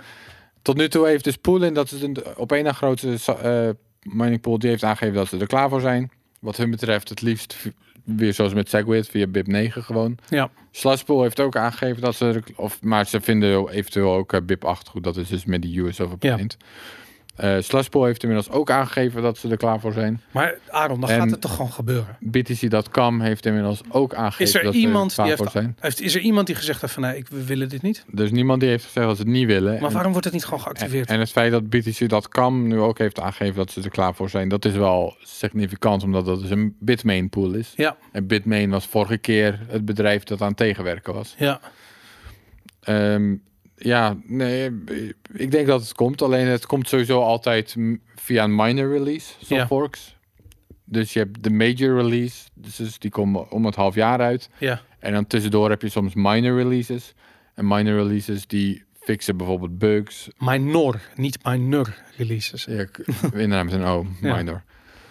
Die fixen bugs of andere kleine dingetjes. Ja. Of dus softforks. Ehm, en dat, daar zit een soort van filosofisch idee achter dat ook als je niet voor de softfork bent, dan kan je nog wel gewoon de laatste versie van Bitcoin Core downloaden, waarbij dus alle nieuwe futures zitten. Ja, Zonder dat je dan ook meteen soort van mee wordt gesleurd in die softfork als je dat als gebruikers dat niet zouden willen. ja, Dus er zit een soort van filosofisch dingetje achter. Dus het lijkt wel waarschijnlijk dat, eh, dat er nu een minor release aan gaat zitten komen die ook de activatie logic voor Taproot heeft. Ja, Dus dan verwacht ik het persoonlijk eigenlijk wel binnen een half jaar. Nou, en als dit initiatief een beetje, al, ik bedoel als de F2 pool nog aan boord komt bijvoorbeeld, en dat Mhm. zijn er nog een paar, eh, weet je, zoals Binance pool die ik ook niet zie tegenwerken. ja. Nou, dan komen we een heel eind en dan verwacht ik eigenlijk wel dat Taproot binnen een half jaar nog wel eens eh, gewoon live kan zijn. Vet. Nou, ik, eh, ik, ik zou dat sneller vinden dan verwacht. Ik moet je wel zeggen, ik heb ook het idee, echt gewoon het idee dat iedereen denkt dat er een soort Segwit-achtig probleem zich voort gaat doen en daarom super voorzichtig is. Terwijl Het lijkt, gewoon- het lijkt er niet op dat dat gaat gebeuren. Nee. Gewoon waarschijnlijk, activeer- eh, activeer waarschijnlijk gaat het gewoon prima dit Ja. keer. Vooralsnog ziet het daar naar uit. Super. Nou, ik, eh, ik ben best wel psyched eigenlijk voor Taproot. Ik ben heel benieuwd wat het gaat betekenen.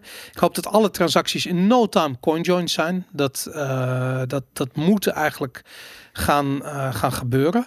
Ehm, ik wil eigenlijk Wacht even... even, dat heeft niet zo heel veel met Taproot te maken. Nee? Oh, ik dacht dat dat... eh, ehm, Nee, er is wel dat idee dat Snor voor goedkopere coinjoins kan zorgen. Ja. Maar dat is een applicatie van Snor die nog niet in deze upgrade zit. Oh, oké. Oh, de- ik heb daar een keer wat over gelezen. Het is me altijd bijgebleven dat dat het onderdeel werd van diezelfde upgrade.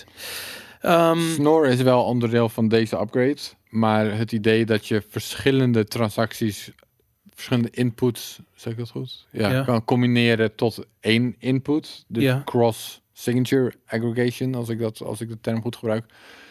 Dat zit nog niet in deze upgrade, omdat ehm, ze moesten ergens een soort van grens trekken van oké, dit doen we in deze upgrade en de rest komt dan daarna. Want Oké. Anders blijven we aan de gang met meer en meer en meer functies toevoegen aan deze upgrade. Dus dat zit hier nog niet in. Ja, nou ja, het, het, eh, eh, ik wou het eigenlijk gebruiken als bruggetje naar het volgende onderwerp. Dat is die DNB-toestand die nu aan het Wil je spelen niet is. hebben over Citibank? Nee, daar wil ik het daarna over hebben. Maar eh, ehm, ehm, zoals jullie weten heeft de DNB die eh, registratieplicht eh, ingevoerd. Ehm, ze zijn ontzettend traag met de aanvragen honoreren, omdat iedereen overal moet voldoen. Eh, we zagen nu dat eh, Bit Money heeft zijn eh, verificatie binnen BTC Direct volgens mij. En ehm, ik dacht Bitonic ook wel of niet. Ik weet het niet meer. Vorige week hebben ze met z'n allen nog een brief geschreven naar de Tweede Kamer en gezegd van jongens, wat jullie doen, dat kan echt niet. Helemaal mee eens. Daar heeft onze grote vriend uh, Mahir Alkaya van SP ehm, heeft daar nog uh, uh, vragen over gesteld. Die, die is een motie aan het in, in, indienen. Hij heeft ook um, uh, op Twitter is hij behoorlijk van leer getrokken. Zei hij van in Nederland wordt eigenlijk het hele financiële systeem gedomineerd door drie grote banken. En natuurlijk willen die Bitcoin niet in het zadel helpen. Dat is wat hier aan de hand is. Nou, dat heb jij ook al, al heel vroeg gezegd. Van het is krankzinnig dat de DNB uh, toezicht krijgt op, op, op bitcoin regelgeving. Dat is krankzinnig. Die hebben mm. daar geen enkel belang bij. Die hebben alleen maar belang bij het in de kiem smoren van de, van de, van de ontwikkelingen. En dit gaat grote gevolgen hebben voor de Nederlandse uh, financiële uh, sector. Omdat die gewoon niet mee kunnen in die... Um, uh, in die belachelijke hoepels waar je van de DNB doorheen moet springen. Uh, maar goed, het nieuwste uh, wapenfeit is dus dat je um, als je een transactie wilt doen van een Nederlandse exchange naar je eigen wallet, dan moet je dus kunnen bewijzen dat die wallet daadwerkelijk van jou is. En bij Bitonic, Bitonic heeft een post online gezet en die leggen uit verder. Het kan op twee manieren. Het kan door het signen van een message. Of het kan door een screenshot te maken van je wallet. ik had echt zoiets van Jezus Christus, weet je. Ik bedoel, dat, uh, hier zijn we dan aangekomen. 2022. Jongens, de, de toekomst van de, van de... 2022? 2020? Oh, 2020 is het. De, de, de, we zijn aangekomen in de toekomst. Hier is het. De Jetsons hadden het erover. Flying cars. Nee, wat hebben je moet een foto maken van je fucking wallet om het naar de DNB te sturen. Ik bedoel, wat, wat, wat, wat is jouw idee daarbij? Dat, dit, dat we hier nu... Dat dit nu gebeurt? Het slaat natuurlijk helemaal nergens op. Um, weet je, als je iemand je adres geeft, dan copy-paste je het. En, en weet je, wat is het verschil nog met een screenshot maken? Het, sla, okay, het slaat in zoveel manieren nergens op dat je je afvraagt waar ze nou mee bezig zijn. Ja. Dat, ze hebben blijkbaar geen idee waar ze mee bezig zijn. Blijkbaar, dat blijkt. Denk je dat Ik bedoel, echt? je kunt, om een paar voorbeelden te geven, als je een screenshot wil faken, dan behalve Photoshop. Ja. Je kunt ook super makkelijk dus een watch-only wallet maken. Ja. Dus, hè, bijvoorbeeld in Electrum maak je dan maak je een watch-only watch only wallet en dan zet je dan gewoon een paar adressen in Ja. waar, je, waar je geen private keys van hebt, maar aan de buitenkant zie je het verschil niet. Nee. Je kan gewoon die screenshot dan sturen als je dat zou willen faken. Maar die moet wel naar dat adres Of- dan ook die... die... Of desnoods, dus weet je wel, jij bent, jij bent bitcoins aan het kopen voor een terrorist. Dat Ja. is waar ze dan bang voor zijn blijkbaar. Nou, dan zegt die terrorist dus, ik wil dat je het hierheen stuurt. Hier is een screenshot. Ja, hier is een screenshot we- erbij, weet je, of, of hier is een sign- een signature bij, bij het adres. Of, nu ga ik helemaal, eh, I'm gonna blow your mind right now, Boris. ja. Wat je ook nog kan doen, en dit is dus een soort van magie, Ja. is je laat het geld naar jouw adres sturen Ja. en dan stuur het adres, stuur het geld Ergens anders naartoe. door naar de terrorist. Ja. Kan ook nog. Ja. Het slaat nergens op. En het enige wat ze hiermee, het enige wat ze hiermee bereiken is dus meer friction voor het kopen van bitcoin. Ja. En mensen die geen zin hebben in meer friction, die gaan dan in het buitenland. Dan gaan ze naar Bitstep of Kraken of Coinbase of weet ik veel. Want daar hoef je dit soort dingen niet te doen. Dan kopen ze daar. Gaat jouw informatie Nou, wel overigens direct naar de NSE toe. Ja, oké, maar dan ben je dus een terrorist die bitcoin aan het kopen was. Mhm. En dan komt de RIVM daarachter. En dan kunnen ze... De RIVM ook. Die gaan Oh, sorry, ik wilde AIVD. Nee, ik ben het met je eens.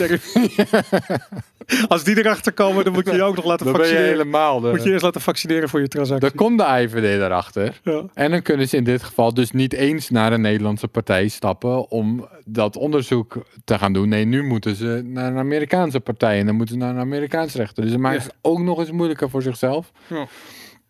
Eh, het, het laat zien dat eh, de DNB geen idee heeft waar ze mee bezig zijn. En dat vind ik wel verontrustend. Dat, de, dat ze dus geen idee hebben en wel bezig zijn regels in te voeren. Nou, het- Dus je zou zeggen, laat je als je echt geen idee hebt, Ze hebben wel een idee. geen Ze, ze hebben wel een idee. Wat ze, wat ze gewoon willen is dat Bitcoin niet pseudo-anoniem is.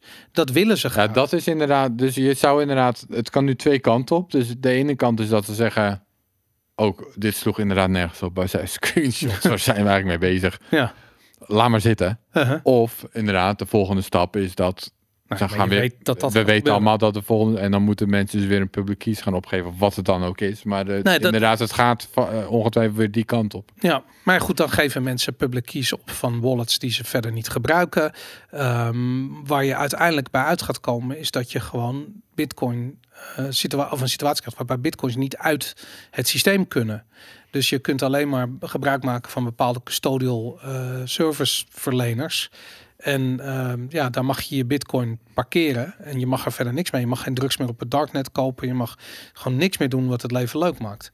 Beetje het PayPal-achtige. Want dat, zo heeft PayPal dus nu inderdaad. Ja, maar ik kan tenminste PayPal overmaken naar mijn eigen rekening en dan gewoon, weet ik veel, 100 Nee, euro. PayPal, Bitcoin PayPal. Oh, dat klopt. Ja, Bitcoin PayPal. Ja, dat kan je precies. niet eens withdrawen. Nee, en iedereen zei van ja, dat kon nog wel, dat ze ontwikkelen. Ik heb echt zoiets van waarschijnlijk helemaal niet. Ik, Ja, denk, ja. ik denk dat zij gewoon een probleem oplossen, namelijk dit. Dat veel landen dit soort rare regelgeving aan het toepassen zijn. Het PayPal zoiets heeft van, nou weet je wat, wil je Bitcoin hebben? Hier, maar dan bewaren wij het voor je.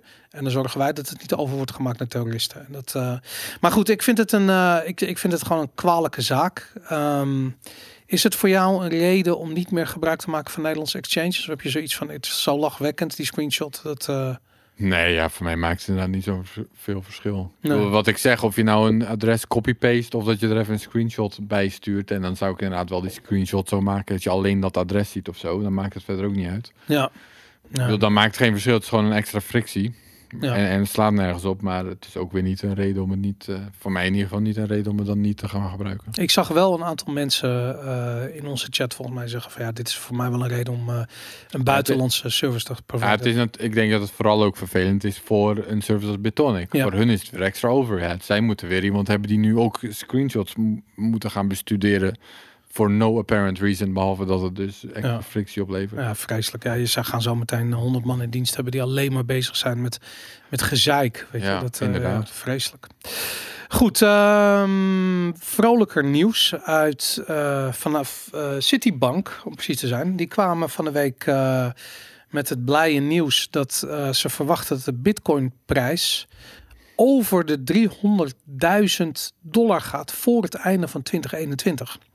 Artikel staat BTC Times. Citibank. Ik bedoel, het is een van de grote drie of grote vier Amerikaanse banken. Eh, absoluut eh, onderdeel van het, eh, hoe noem je dat? Het, de, de Axis of Evil of zoiets.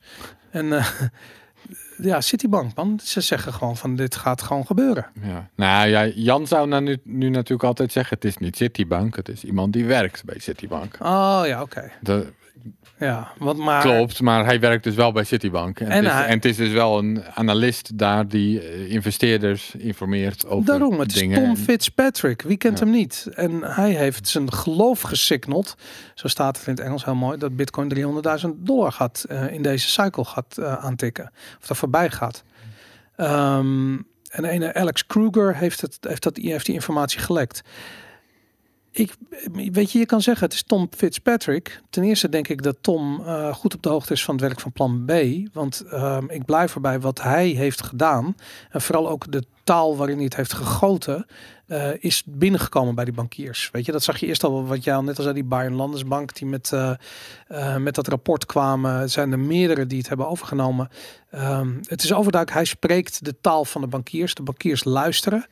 En die, ehm, die beginnen nu gewoon te zien dat dit gaat gebeuren. En dat, eh, ehm, ja, het is ook raar, want ze zeggen ook niet meer van er bestaat een kleine kans dat. Nee, ze zeggen gewoon van dit gaat waarschijnlijk gebeuren. Ik bedoel, Dit is onze price projection. ja, het is toch Ja. te belachelijk voor woorden. En ik heb ook zoiets van, weet je, je had altijd wel bitcoiners die bullish waren, weet je. En dan, was, dan had je weer, eh, eh, hoe heet die, knakker met zijn naam die zijn eigen... Max Keizer of? Nee, nee, Max Keizer, nee, die, die, die, die, die kooksnuivende eh, guy. God, gringo. Help me. Oh, het eh, McAfee. Ja, John McAfee inderdaad. En die, weet je, die de meest krankzinnige dingen zegt als die high is. Maar het- dat maakt allemaal niet uit. Maar nu heb je opeens hele serieuze bankiers die, die dat nar- narratief beginnen te, te kapen. En, eh, en gewoon nog hogere bedragen beginnen te schreeuwen. en, eh, en gewoon de, de, de, de, met, de, met de glory van doorgaan straks zometeen. Voelt het niet een beetje zo? Nee, Bitcoin is toch ook een open project en iedereen die daar Ja, iets mee wil, eh, ja, des te hebt- beter, zeg maar. Ja, nou, het is ook zo. Je hebt een groot hart. Je bent je, de, je, nee, je, je heet de toeristen welkom in, eh, in de zomer. eh, nee, ik snap het. Maar ehm, ehm, wat ik bij deze guy heb, ik bedoel die Tom Fitzpatrick, die werkt voor Citibank. Ehm, als je dit soort dingen begint te roepen in de kringen waarin hij zich verkeert, namelijk mensen die geld willen beleggen, eh, dan is dit niks anders dan een self-fulfilling prophecy. Ehm, als Ja, wij het erover dat, hebben, zou, dat zou het zeker kunnen zijn. Maar dat- geldt ook voor plan B model bijvoorbeeld. Maar dat is ook waarom ik altijd, dat hebben we letterlijk over gehad toen hij hier was. Van hoe komt zijn verhaal binnen bij, in die financiële wereld? Want het is een self-fulfilling prophecy. Ik bedoel, alle prijs discovery, eh, daarin speelt zoiets een rol. En eh, in dit geval ehm, ehm, ja, is dit, dit is gewoon een heel erg goed voorbeeld. En als Citibank begint te roepen tegen zijn institutionele eh, klanten, eh, ze zeggen letterlijk hier dat Bitcoin zal pieken op 318 dollar, 315, eh 318.315 dollar. Sorry, dat is het eh, juiste bedrag. Eh, om, om en nabij september, oh, december 2021.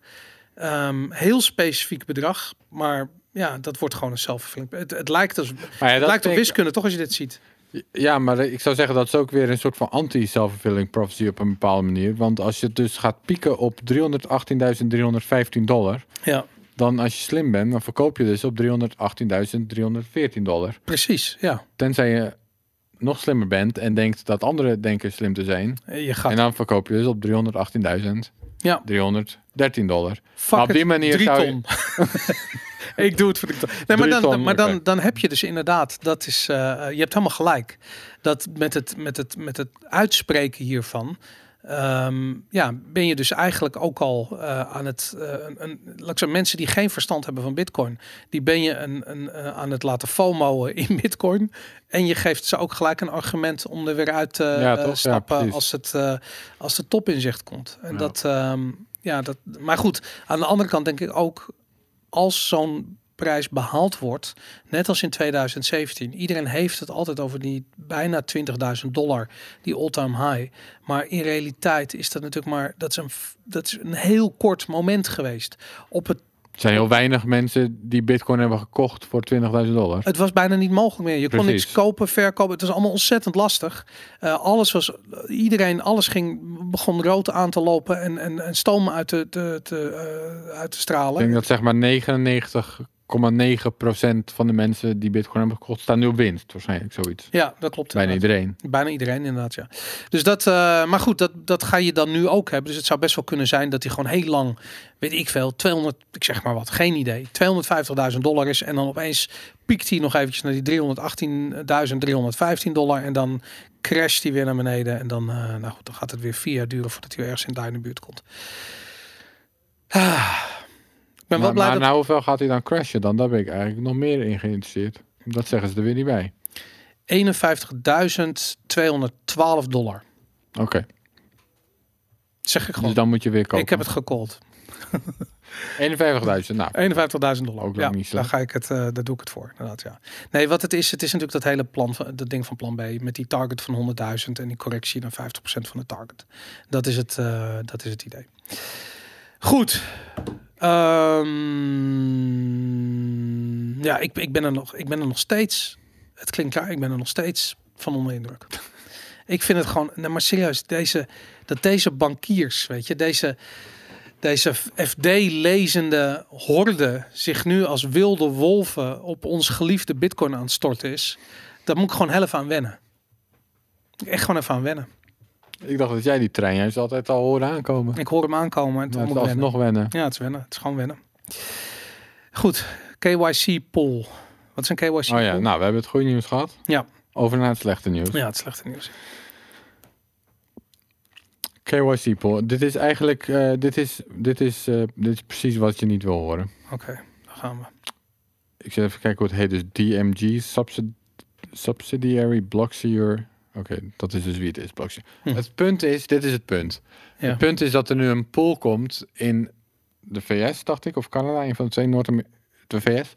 En die gaan transacties, dus die gaan bitcoin minen. Ja. Maar die gaan een die gaan sowieso aan hun miners vragen dat ze KYC moeten doen. Dus die moeten aangeven wie ze zijn. En ze gaan ook hun, ze gaan transacties filteren. Dus ze gaan transacties die op een soort lijst staan waarvan ze denken dat ze zijn gebruikt voor foute doeleinden. Mhm. Die gaan ze niet in hun blokken stoppen.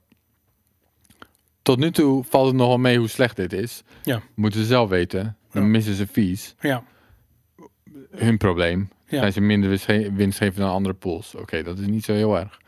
Het punt is dus dat ze hiermee wel laten zien, heel duidelijk, dat het mogelijk is en dat ze het al doen.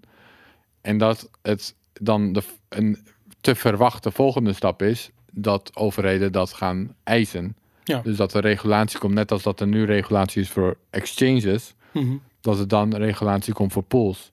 Dan zeg je, je mag geen mining pool opereren, tenzij jullie bepaalde transacties filteren. ja. Maar, Ja. ja, nee, sorry, ga verder. Ik, ik, ik, ik, Nou, kom maar met je maar, want dan... eh, Nou ja, toen ik dat eh, eh, hoorde, ehm, had ik zoiets van in eerste instantie, oké, dat is heel erg kut voor de huidige mining pools. Maar wat is een mining pool nou werkelijk? Weet je, het is niks anders dan een computer aan het internet die informatie verzamelt ehm, en eh, computers aan miners aanstuurt vanuit die, dat, dat centrale punt en ehm, betalingen verricht. Dat zijn eigenlijk de drie acties die een mining pool doet. Ehm, dat kunnen ze ook wel vanuit Iran doen, of vanuit eh, Noord-Korea, of vanuit eh, Malta. Of ja, of van achter Tor. En dat is een van de redenen dat we die block size klein wilden halen. Ja. Is zodat je een mining pool makkelijk waar dan ook overal en eventueel zelfs achter Tor kan runnen. Ja, Dat is zeg maar een van de hoofdargumenten dat we dat, dat, we dat belangrijk vonden. ja, Dus dat is goed dat dat is gelukt. Dat we die block size, dat we niet de, en daar komen we Hm. straks ook nog op, dat we niet de clown car kant op zijn gegaan, maar dat Ja. we, dat we, dat we rekening hebben gehouden met dat soort dingen. Het probleem is nu wel weer dat, je hebt het nu over de pool en bij de pools heb je dus gelijk. Mhm. Je hebt trouwens ook nog zoiets als peer-to pool. Daar kan je ook, zelfs ook nog aan denken. Dat is een decentrale manier om een mining pool te doen. Dus heb je niet eens een centrale computer nodig. ja, Dat is nog steeds een beetje een work in progress. En op een gegeven moment zijn mensen daarmee gestopt omdat mining pools toch niet gereguleerd werden. ja, Maar in principe zou je dat ook nog kunnen doen. En hoe dat werkt, technisch gezien, is eigenlijk een soort van mini-blockchain in. Dan, dan maken de mining, miners in de pool zelf weer een soort van mini-blockchain. oké. Beetje technisch om dat nu Ja. uit te leggen. Maar dat zou eventueel ook nog een optie kunnen zijn. Maar goed, dan is de volgende, dan is het volgende punt natuurlijk de miners zelf. Ja, Dus dan zeg je niet alleen, oké, je mag niet een pool opereren zonder dat je dit soort blacklists gaat toepassen. Je mag ook niet minen überhaupt zonder Ja. dat je dit soort blacklists gaat toepassen. Het probleem met minen zelf is, ja, dat is ook een computer, maar dat is wel een computer die energie Ja. verslindt. Mhm. En als je dus op zoek zou gaan naar miners, dan hoef je eigenlijk alleen maar op zoek te gaan naar, oké, waar wordt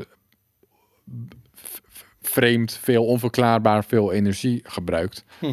Of dat je bijvoorbeeld in de winter in Brabant zo'n dak ziet, wat op, waar opeens geen sneeuw meer op is. Ja, en op dat alle andere, wietplantage dan. hè? precies die Ja. foto, ken dat soort Ja. foto's ken je wel. Nou, dat soort dingen zou je dan dus misschien met mining pools. Ja. Dus op die manier op zoek gaan naar mining pool. Of naar miners, moet ik dus zeggen Ja, het gaat meer omdat dit, deze, dit is een risico. Deze manier van kijken naar mining en kijken naar compliance, maar trekt dat dat kan is, echt een probleem worden. trekt die lijn eens zou, door. je, ja, dat, we gaan nu de lijn doortrekken. Ja. Of heb je een vraag? Nee, ja, wel, maar ik wil je niet onderbreken. Kijk, je zou kunnen zeggen, een van de argumenten is, oké, stel nu, oké, stel dat doe jij als pool, dat wordt opgelegd als pool, maar andere pools doen niet. Ja, dan, dan maakt het dus niet zoveel uit. Dan uh, hooguit duurt je transactie iets langer. Ja, Dat sommige pools het wel erin doen en andere je transactie wel confirmen en andere niet. Dan moet je Ja. iets langer wachten als eh, drugsdealer of zo. Mhm. Whatever, dat maakt niet zoveel uit. Maar als die, al- als die pools nou in de meerderheid zijn, die KYC pools, ja. en dan ook nog gaan zeggen, dus niet alleen zeggen we gaan transacties filteren, Uh-huh. maar ook zeggen blokken waar die transacties in zitten, die gaan we ook filteren, die gaan we rejecten. Dan Maar wacht even, want dan ben je dus een mining pool. Dus al jouw miners die je niet zelf beheerst, dat zijn mensen zoals jij en ik die bijvoorbeeld een endminertje thuis hebben staan, ik zeg maar wat, die minen in zo'n pool, want dat is waarom je in een pool zit, zodat je een iets grotere kans hebt om een stukje van een blok of met, met, met z'n allen een blok te vinden. Ja. Dat is waarom je in een pool zit. ja. Ehm, en dan wordt er een blok gevonden eindelijk. En dan zegt de, de pool operator, zegt luister, deze gaan we niet eh, aannemen. Die gaan we niet uitbetalen. Want er zit een transactie in waar jij als miner niks aan kunt doen. Eh, maar wij, wij mogen deze, dit blok gewoon niet minen. Dan ben je toch weg als miner. Dan ga je toch naar een andere pool. Dat ga je toch serieus niet één keer laten gebeuren. Je haalt nu twee dingen door elkaar. En de, wat je nu, het voorbeeld wat je nu geeft, gaat eigenlijk over. Dus je hebt die truc dat je. Op dit moment zijn de pools zelf die de transacties in de blokken doen. Ja, Dus dan kan jouw scenario helemaal niet. Jij hebt het nu over een scenario waarin de hasher de transacties in de blokken doet. oké. En dat kan dus inderdaad ook. Ja. Daar is nu dus dat voorstel voor met better hash en zo. Ja, En dat de pool dan zegt, maar deze kunnen we niet accepteren. En Ja. dan ben je weg als miner. ja. Dat zou kunnen, maar mijn, mijn aanname was hier... Ja, er beginnen nu dingen, dingen door elkaar te lopen. Ten eerste kan je dan dus, als alle pools bijvoorbeeld gereguleerd zijn... Mhm. ja, er beginnen dingen door elkaar te lopen, Boris. Oké, we gaan overnieuw beginnen. Jij bent een, jij bent een pool. Die transacties. Mijn, mijn punt was, kijk, jij zegt nu je bent een individuele miner in dit scenario met een eh end miner thuis. Ja, Maar op dit moment is dat dus niet de realiteit. Op dit moment is dat dus, zijn er vooral eh, grote server, eh, server farms die minen. ja, Oké, als jij, maar stel dus jij bent weg al- als miner bij die pool, maar stel dan dat je in de minderheid bent. Ja. Dus dat de meerderheid van de hash power dit soort blokken, dit soort, dit soort blokken reject. ja. Dan kan je nergens heen, want naar welke pool je ook gaat, jouw ding wordt gereject door het netwerk. Maar Dat was het- dat was het- dan- ja, dat was het scenario Ja, wat ik aan het beschrijven was. Dat het netwerk als geheel in meerderheid, meer dan 5% van de hash power, Ja. blokken reject waar verboden transacties in zitten. Ja. Dat zou dus kunnen. Mhm. Dat is dus een probleem. Maar als dat gebeurt, laten we het daarover hebben, verboden transacties. Ja. Dan ga je dus krijgen zometeen dat er een soort van underground miners slash pools, wha- whatever, zijn die dus alsnog die transacties gaan minen. Ehm, Maar die zullen hun blokken dan dus gereject zien door het netwerk. Dus dan hebben ze niks aan die blokken. Ehm, en waarom is dat? Waarom zouden ze hun blokken? Omdat er, omdat de Omdat mining pools. Omdat dit soort KYC-pools dan zeggen... we doen geen verboden transacties in blokken. Mhm. En we accepteren ook geen blokken waar verboden transacties in zitten. En Maar dan de- forkt het netwerk toch? Nee, niet per se. Als de, als de miners waar jij het over hebt, die wel die verboden transacties in het... Het forkt even tot Mm. de KYC-pools de langste chain hebben. En dan zullen alle andere miners ook weer zeggen, ja, dat is de chain, is valid. Er zitten bepaalde transacties niet in, maar dat mag, volgens de regels. Dus dat is de langste chain. En dat, dat betekent dat dus 51% van het netwerk moet eh, KYC pools. Dan heb je een probleem, ja. ja. Inderdaad. En is dat precies- lijkt me niet- Dat is precies het probleem. Dat lijkt me niet geheel ondenkbaar. En- Dat lijkt me zeker niet ondenkbaar. Dat lijkt me zelfs relatief waarschijnlijk. Kijk, Ja. een van de argumenten die je soms hoort is... Ja, die pools zitten straks overal verspreid over de wereld. Of die Hm. miners. Voor de, ik gebruik ze even interchangeable, Ja. omdat het probleem vergelijkbaar is. Mhm. Die zitten overal in de wereld. Dus dan kunnen ze in de Verenigde Staten wel allerlei blacklists gaan opleggen aan hun miners. Maar als maar 20% van de miners in de VS zitten Ja, en de rest van de wereld niet, weet je wel, dus dat er een soort van geopolitiek argument wordt gemaakt. ja. Het, het grappige, en ik zeg grappig hier eh, op een sarcastische wijze. het grappige is dat een van de weinige dingen waarin al dit soort landen samenwerken, Hm. de VS, China, Rusland, noem ze maar op, Mhm. is dus an- anti-money laundering. ja. Weet je wel, die FATF-regels. Dat is nou een van de weinige dingen waarin ze allemaal bereid zijn samen te werken. Dus dan is het ook nog best wel denkbaar dat dat op een gegeven moment van toepassing wordt op miners. Ja, Dus dan gaat dat geopolitieke argument ook niet meer op, want ze zitten letterlijk overal. Maar letterlijk overal zijn ook dit soort regels verkracht. Oké. nu zien we. nu, ga ik je Ja. het, nu ga ik zeggen wat we hieraan kunnen doen, potentieel. Of wil je daar nog niet? zijn Nou, ik wil één ding vragen, want we zien natuurlijk ehm, dat eh, Iran op dit ogenblik bijna 5% van de hashpower in het land heeft. Ehm, je ziet ook dat er wel regels komen voor miners in de zin van dat ze moeten verkopen aan de Iraanse centrale bank. Daar hebben we het vorige keer over gehad. Opzienbare nieuws. Ehm, maar ik zou me voor kunnen stellen dat dit een, juist een incentive is voor landen, voor wie het van levensbelang is dat die transacties doorgaan, dat ze eh, met elkaar of met vrijheidgezinde landen, zullen we maar even zeggen, niet dat vrijheid daar in Noem je dat Iran? ja, bizar te bizar voor worden. Maar in ieder geval landen die geen belang hebben bij die FATF-regels, die dus eigenlijk die, die SWIFT shit willen en die, die, die blokkades willen omzeilen, eh, dat die landen een hash, een meerderheid eh, in het percentage van hash power hebben. Ja, maar ik denk dus niet dat dat vrijheidsgezinde landen Nee, zijn. dat- dat- dus dat- zelfs als zij de meerderheid krijgen, dan zullen zij wel weer andere transacties willen gaan censureren, lijkt me. Ja, Zij, zij hebben ook weer hun eigen drugsdealers of, of eh, maar dan ga je dus, homo-rechtenactivisten die, ze Die- dan willen ja. censureren. ja, oké, wat gaan we doen? Oké, je wilt het goede nieuws Het goede horen. nieuws, ja. Oké, het goede nieuws zou ik zeggen. Oké, je kunt. Er zijn op eigenlijk twee oplossingen waar mensen over spreken. Eén oplossing is als het zover komt, als het echt zover komt, als we echt op dit punt komen, als echt transacties niet meer, als echt transacties gecensureerd worden, Mhm. dan vanaf dat moment zien we de miners als gecorrumpeerd. Ja, En dan is het tijd voor een proof of work change. oké. Dus dan rol je een protocol upgrade uit met z'n allen, met alle gebruikers. En dan zeg je vanaf nu hebben we een ander hashpower algoritme, want de miners zijn corrupt geraakt. En vanaf nu kan iedereen weer vanuit zijn thuiscomputer met zijn gaming eh, GPU minen. Ja, Dus dan ontsla je, ontsla je eigenlijk de miners. ja, Al hun hardware maak je obsoleet. ja. En, en vanaf nu begint de arm race eigenlijk weer opnieuw. En dan hopelijk zal het dit keer niet zo eindigen. ja. Onder andere omdat we het dan eventueel nog een keer kunnen doen. Dus Ja. dan, dan kun je steeds het hardware weer eh, on- onschadelijk maken. Oké, Dus dan ontsla je de miners. Dat Ja. is één oplossing. Ja. Nou ja, een kritiekpunt daarop is inderdaad van ja, dat loopt gewoon weer op hetzelfde uit. Sterker nog, waarschijnlijk zal dat alleen maar ten baat komen van de, de huidige elite van miners. Want die zijn best in staat om weer nieuwe ASICs te maken. en zo. Dus dat is een beetje een discussie van of dit Mhm. wel echt zou werken. En of het op de lange termijn zou werken. En een beetje dat soort dingen. Ja. Dit is een beetje de Greg Maxwell oplossing, om het even zo te zeggen. Niet, Mhm. niet alleen hij, maar dat is een, een idee dat hij bijvoorbeeld eh, propageert of voorstaat. Mhm. En een andere oplossing is de Erik Voskuil oplossing. En dat is dat, oké, jouw transactie wordt gecensureerd, jouw transactie confirms niet. Mhm. Wat doe je dan? Dan verhoog je de fee op jouw transactie. ja, Dat betekent dus dat de zwarte miners, om ze zo even te noemen, de underground miners, die kunnen meer verdienen met het confirmen van transacties dan de witte miners. Omdat de, de zwarte miners hebben dus die verhoogde transactiefees. ja, Dus dan zou er een incentive komen dat er meer zwarte miners zouden komen. En die zwarte miners zouden dan inderdaad in dit scenario die Brabantse zolderkamers zijn. Of Ja. dat zouden dus inderdaad, het zou echt underground, zouden dan een soort van miners zijn. Of corrupte overheden of provincies in China die zich niet houden aan de landelijke maatregelen. Of weet je wel, maar dan is het echt underground-achtig. En hoe krijgen die zij die kun- transacties dan? in- Hoe krijgen ze die blokken er dan doorheen? Ja, dan moeten ze dus in de meerderheid zien te komen. Dus dan moet eigenlijk de zwarte markt, dus die, die, die bereid is meer fees te betalen, Jezus.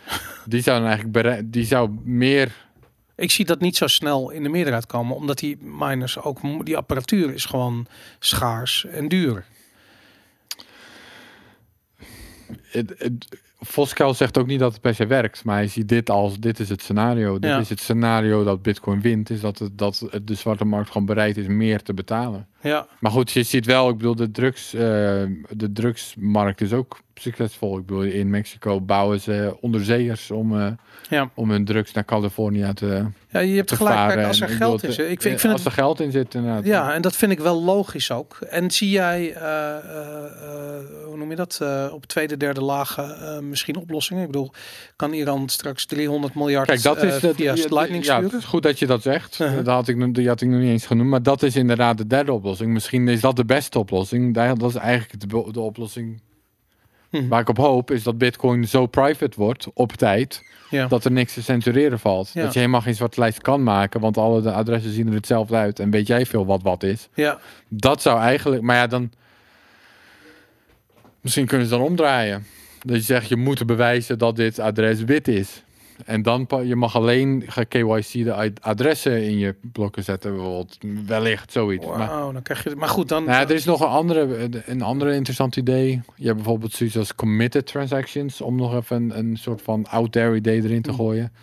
Dat bestaat wel. Dat is wel een concept wat nog niet helemaal is uitgewerkt, maar wel enigszins is uitgedacht. Dat Mhm. zou betekenen dat miners blokken minen Mhm. en pas 100 blokken later bijvoorbeeld, net als nu als een miner een blok mined, dan duurt het 100 blokken voordat ze hun reward kunnen uitgeven. Ja. En met committed transactions zou het bijvoorbeeld zo kunnen zijn dat je in eerste instantie een encrypted transactie erin doet. Mhm. En dan pas 100 blokken later wordt duidelijk welke transacties, wat, wat eigenlijk de details van de transactie zijn.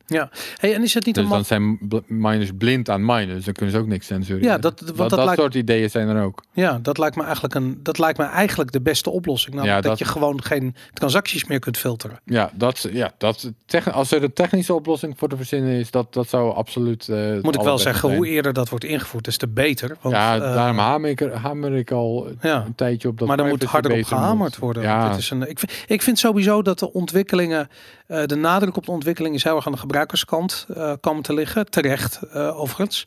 En op, Ah, is helemaal waar. Ik bedoel, Bitcoin Core developers die zijn wel echt vooral met dit, dit soort dingen bezig. Ja? Want ik vind- ik met, weet- met een protocol level network dingen.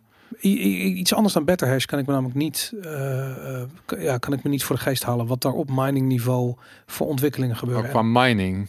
Ja, Ja. nou ja, Betterhash is inderdaad wel een voorbeeld. Of je hebt ook wel relay networks en zo, dat soort dingen. Hmm, Oké. Je hebt natuurlijk op zich nog de Blockstream Satellite. Dat je blokken... Ja, oké, nou Nou, goed. Maar het maar gaat om dat- die 51% probleem natuurlijk. Ja, Dat, eh, even denken. Ehm, ja, gewoon het, het klein houden van de block size. En, Ja.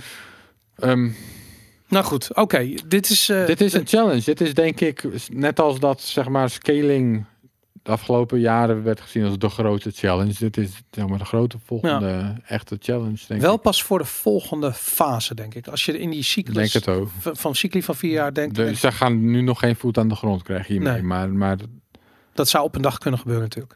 Goed, ehm, artikel eh sneak.berlin. Ik kende de site niet. Jij kwam er mee. Eh, fucking fascinerend. een artikel dat heet de- Je computer is niet van jou. Your computer isn't yours. Ehm, het is geschreven door eh, Jeffrey Paul, zeg ik dat goed? Ehm, ik zat het te lezen en ik heb met mijn oren zitten klapperen. Kun jij uitleggen wat eh, Jeffrey Paul, deze hacker en security researcher, eh, geschreven heeft in dit artikel? Ja, dus eh Stolman was right. We hebben wel eens comments gekregen op, in het Telegram of op YouTube of weet ik veel, dat Hm. mensen vragen waarom zit hij op Max? Ja. Nou ja, dit is dus, dit is een terechte vraag dus. Ja. Want hij heeft dus nu, dus wat Apple blijkbaar doet, en dat deden ze blijkbaar al, dat wist ik niet eens, maar je kon het tot nu toe nog omzeilen. En Hm. ik vermoed dat ik dat, ik heb dat waarschijnlijk niet eens gedaan, maar ehm, Apple, eh, die- Mac, je MacBook, die, of, je precies, die communiceert dus met Apple. Ja. En die laat ze weten welke programma's je aan het eh, Joh. draaien bent op welk moment. Nee. Dat doen ze een beetje indirect. Ze sturen een hashje naar Apple. Maar goed, dat is dus voor Apple wel achter te komen wat, eh, wat, wat je dan... Alle programma's die eruit. In principe wel. Dus ze laten gewoon weten wat je aan het gebruiken bent. Niet normaal. Dat, ja, dat staat in dit artikel. En het werd gedeeld door mensen die ik betrouwbaar acht. Dus, Ja. eh, Maar dat is fucking... en tot nu toe kon je er dus nog omheen. Oké, Eh, ik, ik wist dit dus niet voordat ik dit las. Ik, Ik wist het ook niet. Nee. Ik, ik, was nooit fan van Apple. Maar ik denk ook dat mijn volgende computer geen Apple meer wordt. Nee, maar dit... eh, dat kan niet meer. Nee, maar de, ja, je kon het tot nu toe dus nog uitzetten, wel in settings, of je moest er een speciaal programma voor hebben. Maar eh, nu met de, de komende nieuwe OS voor Mac kan dat ook niet eens meer. Jesus Dus dat is wel. Die is er al, hè? Dat is die ja, Big, ehm, Big Sur. ja. Big Sur. Ja, Stallman was right. Kijk, eh, Richard Stallman, dit is de, dit soort dingen waar hij voor waarschuwde Ja. in de jaren 80. Dus toen, ehm, toen commerciële. Hij komt echt uit eh, de MIT hackers sfeer. Hè? Hij, hij werkte bij MIT op de AI lab. En daar is een beetje de hacker, de cultuur eh, ontstaan. Waar een, wa- wat, wat zich in, tegenwoordig doorleeft in een soort van de free software open source cultuur. Vooral free software in het geval Mhm. van Richard Stallman. En eh, de dingen waar hij voor waarschuwde was dat als je closed sourced code hebt, als je, als je Ja. programma's hebt, dan ehm, geeft dat eigenlijk macht over de gebruiker. Dan geeft dat macht van de developers over de gebruiker. Want ze kunnen allerlei dingen in die code doen. Ja. Zoals spionage software. En dat is voor hem de reden dat hij eh, de free software movement is begonnen. Mhm. En hij bedoelde free software voor de duidelijkheid niet als gratis, maar als vrijheid. Ja. Dus dat je mensen inderdaad dus, eh, dus dingen zoals privacy in acht kan houden. Dat je weet wat je computer aan het doen is. Dat je Ja. weet dat je computer jou niet aan het bespioneren is. Nou ja, goed. We hebben nu dus het Boiling Frog verhaal al, eh, Ja, al eh, 40 jaar we zitten... aan, aan de gang zien. En we zijn nu wel op het punt gekregen, gekomen dat het wel echt zorgwekkend wordt. Dus Ja. ja, je kan eh, heel erg, je kan denken dat je heel erg eh, private bitcoin aan het gebruiken bent, om het even daarop te betrekken. maar ze zien gewoon je Ze weten gewoon op welk moment je Bitcoin Core aan het draaien bent of welke andere wallet. Of, eh, Fuck off. ja. Hey, en ik heb uit dit artikel eh, gehaald dat ze dat alleen maar doen op basis van IP-adressen. Ja. Dat is natuurlijk redelijk eenvoudig te omzeilen. nou, niet, je- niet dus met die nieuwe upgrade ook. Waarom niet? Ja, dat stond in het artikel dat ze dat dus dat je dat verder ehm, dat het eh, VPN helpt ook niet eens. Dat meen je niet. Dat stond in dit artikel, ja. Dus het artikel voor mensen die het zelf willen lezen. Het is van Jeffrey Paul en het heet Your Computer Isn't Yours. Het grappige is, je kunt het op je Mac blokken met een programma dat heet Little Snitch. Dat ja, maar nu de, dus niet meer Niet met die meer, nieuwe ja. eh, upgrade. Wauw. En het probleem is ook, als je niet upgrade naar Big Sur, dan eh, op een gegeven moment heb je geen ondersteuning meer eh, op je Mac. Of eigenlijk, je hebt geen ondersteuning op je Mac vanaf het moment dat je niet upgrade. Ja, en, en als je straks een nieuwe Mac koopt, dan kan je sowieso niet oudere versies draaien. Nou, Jezus eh, fucking Christus. Ik vind, ik vind het nogal wat, man. Dat, Ja, het is nogal wat, ja. ja, Zeker weten. ongelooflijk. Nou goed, het, het artikel is, ik kan het van harte aanbevelen aan iedereen die wil weten hoe dit zit. Ehm, Ja. ja, Apple mensen gewoon- die die ja. comments hebben gegeven, waarom gebruiken we Mac? Jullie hebben helemaal gelijk. Ik denk dat het wat mij betreft wel... eh, Dit was eh, denk ik ook mijn laatste Mac. En ik moet je zeggen, ik haat Windows. Maar om de exact dezelfde reden zou ik ook nooit een Windows eh, laptop of PC gebruiken, denk ik. Nee, ja, ik heb een tijdje Ubuntu gebruikt hier met mijn vorige laptop. Ja, Maar ik moet zeggen, ik vond het toch gewoon niet zo lekker werken. Maar ik Dus hou uiteindelijk, van eh, uiteindelijk ben ik op Mac overgestapt. Gewoon toch Ja. omdat ik het makkelijk vond. Maar ja, dit is wel weer reden om dan to- toch maar terug te gaan. Ja, absoluut. Jezus Christus. Ehm, ja, is Ubuntu de enige, het enige alternatief? Ik bedoel, Er zijn natuurlijk wat andere open source Linux Ja, versies. die, maar... ja, die Linux versies. Ja. Eh, Ubuntu is denk ik het meest zeg maar, gebruiksvriendelijk voor iemand die gewoon een laptop heeft. En op die manier...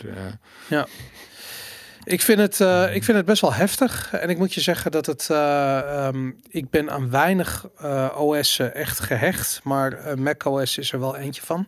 Ehm, het probleem is ook door al die updates. wat je vroeger nog wel eens had. Dat je een soort van homebrew applicaties had die dit blokte. Of weet ik wat. Dat is er nu dus niet meer bij. Want ehm, ja, je hebt je, hoe dan ook. Iedere keer bij elke upgrade krijg je weer opnieuw hetzelfde probleem voor je kiezen.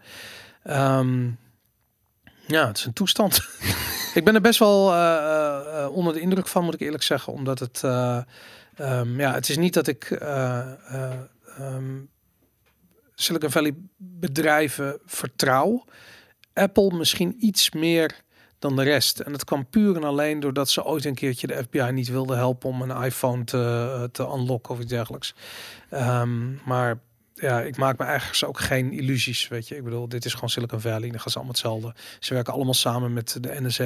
Ehm, dit is waarom de Amerikanen geen Huawei in hun netwerk willen hebben. eh, om exact dezelfde reden ehm, wil je eigenlijk ook geen Amerikaanse producten in je, ehm, ja, in je, in je dingen. Alleen het wordt, het wordt gewoon lastig, man.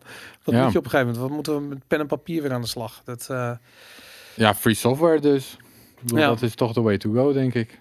En ik vind het toch raar, man. Hoe kan Apple bepalen en beslissen dat ze het recht hebben om ons te bespioneren? Ja, ze zullen misschien ook eh, druk krijgen zelf, hè. Van, eh, Ja, van, van dat soort eh, NSC-achtige instanties, dat ze daarmee moeten werken. Ja, nou, ik vind het echt. Ik, vind, ik moet je. Of, ja, of misschien niet eens. hè. Het kan ook zo zijn dat ze het doen vanuit, vanuit gebruiksvriendelijkheid. Dat ze dat, dat, ze, dat dat de reden is dat ze ermee beginnen. Dat zal vaak zo zijn. Ja. Maar dat als ze het eenmaal aan het doen zijn, dat de NSE wel even aanklopt en zegt van... hé, hey, als jullie toch die logs hebben, Ja. deel ze ook even met ons. Ja, want, want je kunt natuurlijk, als je bijvoorbeeld meedoet met die, met die troubleshooter, we- weet je, als je com- computer crasht, dan krijg je zo'n vraag van wil je dit even doorsturen naar Apple of zo. Dat is eigenlijk hetzelfde.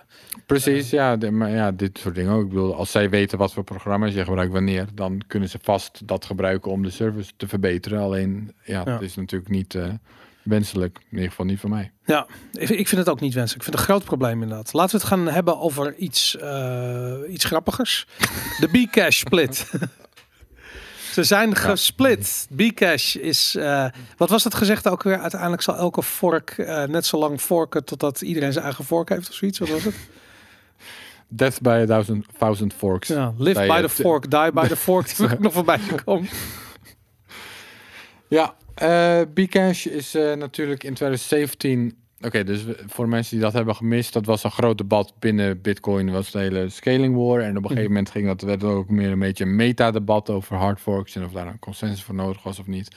En toen kreeg je dus eh, ja, een beetje botsende filosofieën bij, aan de Bitcoin-kant. Zeiden we nee, je hebt voor een hard fork toch echt consensus nodig, anders splijt het netwerk. En Ja. dat is precies wat je niet wil hebben. Mhm. En bij de Bcash fork zeiden ze om een of andere reden dat dat geen probleem was. Of dat dat in eerste instantie zelf dat een splijting helemaal niet zou gebeuren. Omdat mensen langs de chain zouden vinden. Zouden volgen. Op een gegeven moment spleet Ethereum in Ethereum en Ethereum Classic. Mhm. En toen veranderde het narratief een beetje van ja, het kan misschien wel splijten, maar dat is niet erg. Het logische gevolg daarvan, zoals we waarschuwden, is ja, als, je dat, als dat je filosofie is, dan ga je dus blijven splijten. Ja, Als, als- digitale schaarste kan maar één keer bestaan. Precies. Dat is iedereen met ons eens. Ja. Zelfs Jan inmiddels. Nee, weet ik eigenlijk niet. Maar goed, anyways. Oké, wat is er Ehm, gebeurd nu? Ze willen geld zien, toch? Ze zijn in 2018 natuurlijk al gespleten met BSV. Ja, Dus we noemen dat nu nog steeds Bitcoin Cash en BSV. Maar toen was dat natuurlijk weer een debat welke is dan Bitcoin Cash en dat soort dingen. Maar dat, ja, ja. eh, toen zijn die gespleten en uit- uiteindelijk heeft BSV, dus Ja. Bitcoin SV, die heeft die, die naam gekregen. En de andere helft heeft de Bitcoin Cash naam gehouden. Ja. Nu zijn we dus inderdaad nog twee jaar later. En we hebben het er ook al eens in de show over gehad. Het begon eigenlijk met eh, een nieuw difficulty algorithm. Ze Ja. hadden een nieuw difficulty algorithm nodig. Want het is zo dat ze gebruiken dus hetzelfde hashing algorithm als Bitcoin. ja. Maar je hebt dus mining pools zoals Poolin, waar we het net even over hadden. Mhm. En die minen, die zetten hun hash power in op de chain die het meest profitable is. Dus Ja. die switchen af en toe als ze zien dat Bitcoin Cash meer profitable is om te minen, Ja. dan switchen ze gewoon. Dan maakt ze verder niet zoveel uit. Maar wat er dan dus gebeurt, is omdat er maar 2% van de totale hash power vergeleken met Bitcoin op Bitcoin Cash zit, of zoiets. Mhm. En op een gegeven moment splits, eh, ehm, sorry, wat, eh, switcht Poolin, Ja. die 12% van Bitcoin meeneemt, dan, op Bitcoin Cash zit dan opeens zes keer zoveel hash power. Ja. Dus worden blokken opeens veel sneller gemined. Totdat het Dat niet meer, tot het belachelijke tot- af, toch op een gegeven moment. nee, totdat de difficulty dus omhoog gaat en niet meer meer profitable is. En Ja. dan switcht Poolin gewoon weer terug naar Bitcoin. Ja. En dan blijven ze dus bij Bitcoin Cash achter met hele trage blokken, Ja. omdat de difficulty zo hoog is. Ja, Dus dat, dat, dat, ehm, dat was kapot. dat ging niet goed daar. Dus soms hele snelle blokken, soms heel langzaam. Dus op een gegeven moment wilden ze daar en dat wilden ze eigenlijk origineel gaan upgraden. Toen kwamen ze bij Bitcoin ABC met het plan. Oké, weet je wat we dan ook doen meteen? Dan gaan we eerst doen dat een paar jaar blokken heel langzaam worden gevonden. Ja. Omdat ze nu lopen ze heel erg voor op het originele Mhm. eh, emission schedule. Ze hebben eigenlijk meer bitcoins nu in omloop dan dat er eigenlijk zouden moeten zijn als je zeg maar elke vier jaar een halving hebt. Ja. Dus dat wilden ze gaan rechttrekken. Daar bestond toen ruzie over. Want sommige daar waren sommigen het niet mee eens. Mhm. En toen andere developers die daar dus niet mee eens waren, die hebben toen een nieuwe software fork van Bitcoin ABC. Dat is het dan. Wat Bitcoin Cash zo'n beetje definieert. Die zijn ze toen gelanceerd, dus toen kreeg je twee nodes. Toen op een gegeven moment heeft Bitcoin ABC ingebonden met dat idee van die, dat, dat die blokken inhalen, zeg maar. Ja. Dat langzamer minen. Ze zijn het eens geworden over de difficulty. Of ik moet zeggen over ja, de difficulty adjustment algorithm. Maar toen zeiden ze wel, oké, maar dan willen we geld zien. Dus wat we dan gaan doen, is el, elk blok dat wordt gemined, Mhm. elke keer dat er een blok wordt gemined, dan gaat 8% van de block reward gaat naar ons. Of eigenlijk hadden ze daar een soort van Global Bitcoin Council of zo. Ja, dat is iets Mhm. bedacht, maar dat is niet heel veel details. We kunnen er gewoon van uitgaan als we even Ja. kort door de bocht, maar er ook wel enigszins accuraat en eerlijk. Gewoon, het ge- geld ging gewoon naar hun. Ja.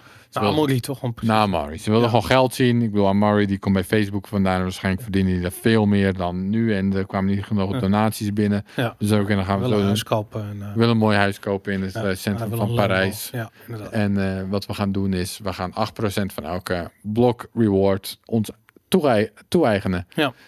Nou, daar waren die anderen het weer niet mee eens. Mhm. Dus uiteindelijk, de- dit weekend, vorige weekend is dat uiteindelijk tot de climax gekomen. En nu hebben we één versie van Bitcoin Cash die 8% van de block reward aan Amari geeft. en één versie van Bitcoin Cash die dat niet doet. Vet. Dus nu is het weer gespleten. Ja. Ehm, En hoe, hoe verhoudt zich de, de, de, de, de hash power tussen die twee splits? Eh, Bitcoin Node, zo heet dus de, de, de nieuwe versie, zeg maar. Dus je hebt Bitcoin Ja. ABC, dat is met Amari. Ja. En dan heb je dus een andere, die heet Bitcoin Cash Node.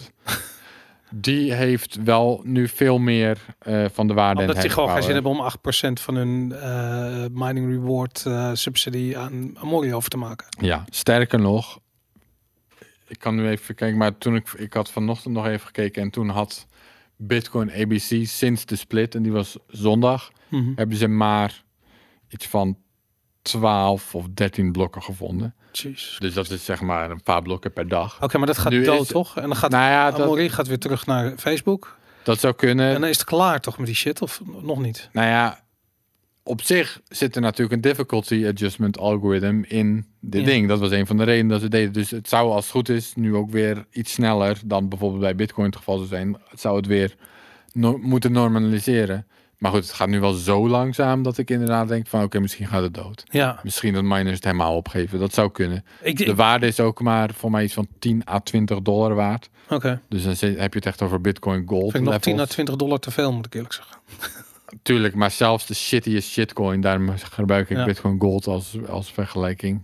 Die, die is ook al, weet je, 8 dollar waard of Is zo. Bitcoin Gold 8 dollar waard? ja, Jeez. Bedoel, weet je, dat bedoel ik. Ik bedoel, zelfs dat soort shit is nog iets waard. Ja. Dus ja, dat dit dan 10 à 20 dollar waard is, ja. Ongelooflijk. Nou, het gaat eh hard Maar goed, maar met Bcash. om een vergelijking te geven. Ik bedoel, ooit was Bitcoin Cash, toen het, toen het net was afgespleten van Bitcoin. Mhm. Ja, wat was het op het hoogtepunt waard? Ik denk echt 6000 dollar of zo Ik weet wel. het alleen in Bitcoin en dat is 0,2. 0,2. Ja, ik denk, ik denk nog hoger zelfs. Maar Ja, eh, 0,25 heel even misschien? een piek of zo. Ik denk dat ze een piek hebben gehad op 0,45. Maar dat was dan even misschien een minuut, weet je wel. Maar Ten tijde van de fork ze een ongeveer 10% waard. Dus 0 0,1. ja, Eh. eh, het heeft een tijdje gezweefd rond 0,1 en 0,2. Dat is krankzinnig veel. Dus in de, dus eh, ja, in Bitcoin termen, ja. ik bedoel, dat zou dus nu nog steeds, weet je wel, waar, waar hebben we het dan over? 4000 dollar of zo? Toen in de tijd, bedoel je? Nee, het was, ik denk dat Bitcoin toen misschien, weet ik Nu, misschien nu, duizend. nu. Oh, nu? Op Dus stel, de, laat ik het dus zo zeggen. Stel dat jij toen je Bitcoin Cash had verkocht. ja, in Bitcoin. Dan was, voor Bitcoin. Dan was Ja. de Bitcoin die je ervoor had gekocht nu dus 4000 dollar waard. Als je één Bitcoin Cash had verkocht. Als je één Bitcoin had verkocht. Zo, ik eh, rond een beetje af. Nee, 3000. een tiende toch? 1600. Ja, eh, nee, ja, of of 18. 0,2 zei je toch ook? oh, 0,2 zei. Sorry, ik zat 0,1 te denken. Ja, nee, dat 0,2. Ja, pa- Dus je moet aan dat soort bedrijven, dan had je dat gehad. Ja, 3000 dollar. en dus als je het stijf bent blijven vasthouden, Ja. laat staan, zoals sommigen hebben gedaan, als ze hun Bitcoin hebben verkocht voor Bitcoin Cash. Ja, op de top. Ja, ja, dat, dat, dat, is, duur. nu dus Ja. echt nog 250 dollar waard of zo. Ja, dat ongelooflijk. Is, eh, nee, het is, Nou, vet. Ik hoop niet dat eh, onze luisteraars dat gedaan hebben. Je weet het niet. Eh, laten we even doorgaan met, eh, met, met, met, met het fork-verhaal. het is een trieste boel daar in Het- ieder geval, ja, Dat nee, maar het is ook-. Het is nu ook gewoon dat ik zoiets heb, kan iemand gewoon even het licht uitdoen? Weet je, het is gewoon, het is heel pijnlijk, weet je. Ja. Ze zit nog aan een dood paard zitten te trekken. Iemand gaf de vergelijking. Kijk, twee jaar geleden had je nog met Bitcoin SV en Bitcoin Cash. En dat was nog best wel een evenement toen, weet je ja, wel. er zat nog wat energie in. Ja. Iedereen Momentum, zat daarnaar ja. te kijken en het was, er, was, er waren Ja. meerdere livestreams. En ik hield zelf ook nog op Bitcoin Magazine hield ik een live blog bij. En het was zeg maar van wat gaat er gebeuren? En Ja. dit, is, dit is interessant. En nu is het meer, iemand maakt een vergelijking op Twitter alsof, alsof het een goochelshow is van een kindje, weet je wel. ja, dat is, iedereen weet dat het nep is, maar je klapt nog even voor de vorm. En ik, moet ook- eigenlijk ja. is er ook niks meer. ik vind die figuren ook, weet je, ik bedoel, het worden, ze zijn ook vast straks allemaal een lager wal geraakt, weet je. Dat, eh, die, die crack ride, dat wordt al, ja, dat gewoon een triest verhaal allemaal. Laten we even doorgaan met Ethereum. Die hebben een eh, per ongeluk een hard fork eh, voor een kiezer gekregen. Eh, had dat met dat uh, multisig... We zitten in ons shitcoin kwartiertje. Ja, inderdaad. We gaan er gewoon even. We nemen gewoon alles mee. De hele blockchain nu nog kan. Ethereum is per ongeluk gehardforked. Eh, Ja. Had dat te maken met die, met die fout die er in die multisig setup zat? Weet ik veel. Oh, ik heb ik hoorde een nee, hele volgens mij had het daar niks mee te maken. Maar dat was, volgens mij was het BSV. Ja, je, het hebt het- je hebt het over BSV. Oh, moeten we daar nog over hebben? Over die- die- ja, die bug da- die laten we die er even in gooien. Heel Dan gaan we daar heel Ja. even. We zitten onze shitcoin kwartiertje. Oké, inderdaad, BSV. Ja, die hadden dus een eigen sor- vorm van multisig geïmplementeerd. Want die gasten die vinden alles wat Bitcoin Core doet is natuurlijk verkeerd. Uh-huh. Dus bit, eh eh P2Script hash moest eruit. Dat bestaat al jaren in Bitcoin, weet je wel. Maar eh, de, de echte Satoshi, ik heb nu hele grote quote marks voor de podcast luisteraars. Mhm. Die, eh, die, dat was allemaal weer onzin natuurlijk, dus dat moest eruit. En toen hebben ze dus een eigen multisig implementatie erin gezet. En dat betekent dus multisig, voor de duidelijkheid, betekent dus dat je genoeg, dat je bijvoorbeeld drie signatures nodig hebt. Dus hè, multisig free out free, dan moet je, dan heb je op drie locaties heb je je private keys liggen. Ja. En alleen als ze alle drie tekenen, dan is het goed. Oké, nu zat er dus, de details weet ik vrij goed, maar niet, misschien niet helemaal 100%, maar het was in principe zo dat in de code stond dus, dus laat ik dat eh, het geval van een free out of free gebruiken, Ja. stond er dus in de code, oké, dan heb je minstens drie signatures nodig. ja. Of vier of zo, maar dat of meer. Precies drie of meer. Ja. Zoiets wel. Of, of misschien was het beter. Het was twee of meer. ja, het. of two out of three, weet je wel. En dan heb je dus Tenminste twee nodig. tenminste twee nodig. Ja. Twee of meer. Oké, dus dat is in code. Is, hè, is dat, dan heb je dat, dat driehoek dingetje met dat puntje naar Ja. rechts. Dat betekent dus, Drie of meer. zeg ik dat goed? Ja, is en nou ja, Gelijk of meer. Zo. gelijk of meer. Die, die stond erin. Maar Ja. ze hadden dus in de code hadden ze dus de bug dat dat driehoekje stond zeg maar de verkeerde kant op. Waardoor het twee of minder. Twee of minder was. En nul is ook minder dan twee. Juist. Het Dus elke Wat multisig implementatie op BSV kon iedereen uitgeven zonder Ja. überhaupt een key te hebben. Dus er lag gewoon geld het oprapen. Ja. Nou ja, goed, dan is de volgende vraag natuurlijk, was dat een bug of, of was, het, was het per ongeluk? Waren ze incompetent? Mhm. Of waren, ze, waren het gewoon waren het dieven? En dat kan natuurlijk allebei in het geval van BSV. Het kan Ja. ook dat die, dat die Het zijn sowieso dieven, maar het kunnen ook incompetente dieven zijn geweest. Maar wat, wat kan- ja, maar ze kunnen dus ook het geld zelf hebben genomen. Dat, Ja. eh, dat zou best wel eens kunnen. Ja. Maar ik of vind of het, het was inderdaad gewoon pure incompetentie van aan de BSV-kant. maar het geeft ook maar weer hoe ontzettend, wat een ontzettend tekort er is bij dit soort projecten aan getalenteerde ontwikkelaars. En niet alleen eh, mensen die de code schrijven, maar ook gewoon mensen die de code review doen. En dat is nou, Ja, maar dat is dus ook heel logisch. Want eh, de, de mensen die competent genoeg zijn om aan Bitcoin te werken, die zijn per definitie ook competent genoeg om te begrijpen dat BSV een grap is en Ja. dat Greg Wright een fraudeur is. Ik bedoel, dat gaat samen. Als je, als je de competentie hebt om eraan te werken, dan snap je dat ook wel. ja, En hetzelfde geldt voor heel veel altcoins, denk ik. Plus, als je competent genoeg bent om aan Bitcoin te werken, mhm, dan wil je ook aan Bitcoin werken. ja, Weet je, als je, als je goed genoeg bent om voor Barcelona te spelen, ja, dan wil je niet voor Heracles spelen. precies. Je wil dan voor de beste spelen en Ja. je wil dan aan het beste project werken. Dus het is logisch dat het beste project, het grootste project, het meest waardevolle project, Ja, het meest interessante project ook de, het, het meeste talent aantrekt. Dat zie je gewoon, dat krijg je. ja. Dus dat zie je heel duidelijk met dit soort dingen, ja. Ik vind, het, eh, ik vind het fascinerend. Ik moet je zeggen, ik, ik volg het helemaal niet. Maar met veel plezier zie ik af en toe dit soort dingen voorbij komen. En leedvermaak is ook formaat. En ik vind het altijd fijn als mensen hun geld kwijtraken. Maar jongens, alsjeblieft. Wij, wij, wij- waarschuwen alleen al hier bij eh, de Bitcoin Show. Al zeker nu 69 afleveringen. Dat je weg moet blijven van shitcoins. En ehm, dus als je dat niet doet, dan, nou goed, dan, dan mogen wij ons toch wel een lolletje permitteren. Om nog, dan nog even, we zitten in ons shitcoin kwartier. Gisteren was de free year anniversary, free year anniversary of Bitcoin 2x. Oh ja, natuurlijk. Segwit 2x. Of Bitcoin 2x. Ja, inderdaad. De, de dat- shipwreck, de trainwreck, dat was... Ik heb er nooit meer wat van gehoord. dat, nee, natuurlijk niet. Nee. Want dat was dus om over incompetente developers gesproken. Of misschien is hij niet eens de allerincompetentste. Nou ja, hoewel. Maar Jeff Garzik, die, had toen, die was toen het project aan het leiden voor Segwit 2x. Ja. En die zat toen dus met de Off by One bug. En dat was dus precies drie jaar geleden. Oké. Dus dat project met veel bombardie. Nou ja, op een gegeven moment een week van tevoren hadden ze het wel opgegeven. Maar in principe de code was er. En Jeff Garzik, die was er. En die, die code eh, konden mensen nog steeds gaan gebruiken, zeg maar. Die code deed je toch niet? Die code deed het dus uiteindelijk niet. Dus omdat er dus een off-by-one bug in zat. Ja. En dat is dus weer een voorbeeld van, nou ja, behalve dat, ja, of hij nou wel of niet competent was, daar kunnen we het over hebben. Maar daarnaast was hij de enige. Ja. En met open source projecten, met free software projecten, is het heel erg gunstig als er meer developers meekijken en meer developers op zoek gaan naar bugs. Dus wederom, netwerkeffect is ook met dat soort dingen cruciaal. Ja. En Bitcoin heeft dat meer dan, misschien wel meer dan elk ander project ter wereld. ja. Ubuntu misschien. Nou ja, precies. Er zijn gerust nog wel andere, eh, andere heel populaire projecten. Maar Bitcoin Ja. staat wel hoog, denk ik, hoor. Ja. Wat betreft competente developers die, daar, eh, vet. die daarmee bezig zijn. Ja, absoluut. Hadden we het nou gehad over die Ethereum Accidental Hard Fork? Die Nee, die, die hadden we dus nog even uitgesteld. Dus Ja. Ethereum Accidental Hard Fork. Mhm. Dus er zat inderdaad... Ja, de, de- over, kijk, als wij het over Ethereum hebben, dan... eh, Of over Bitcoin, mensen noemen ons wel eens natuurlijk... ehm, Maximalisten. Ja, maximalist, alsof dat iets irrationeel is. Maar kijken dan naar dit, dit soort troep. Wat ze daar nou... Dus er was inderdaad een accidental hard fork. Dus er werd een of andere bug gefixt in, in een implementatie. Mhm. En ehm, dat zorgde voor een hard fork. Ja.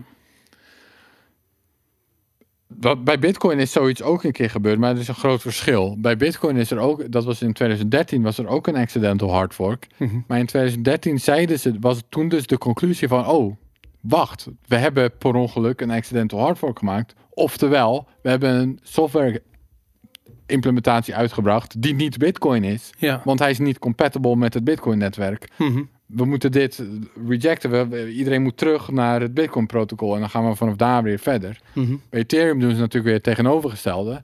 Gaan ze weer zeggen dat iedereen moet upgraden. Terwijl ze dus eigenlijk gewoon een heel nieuw Ethereum-netwerk hebben, ge, Uh, hebben gereleased. Maar het grappige is ook weer dat ze... Dus Infura heet dat. ja.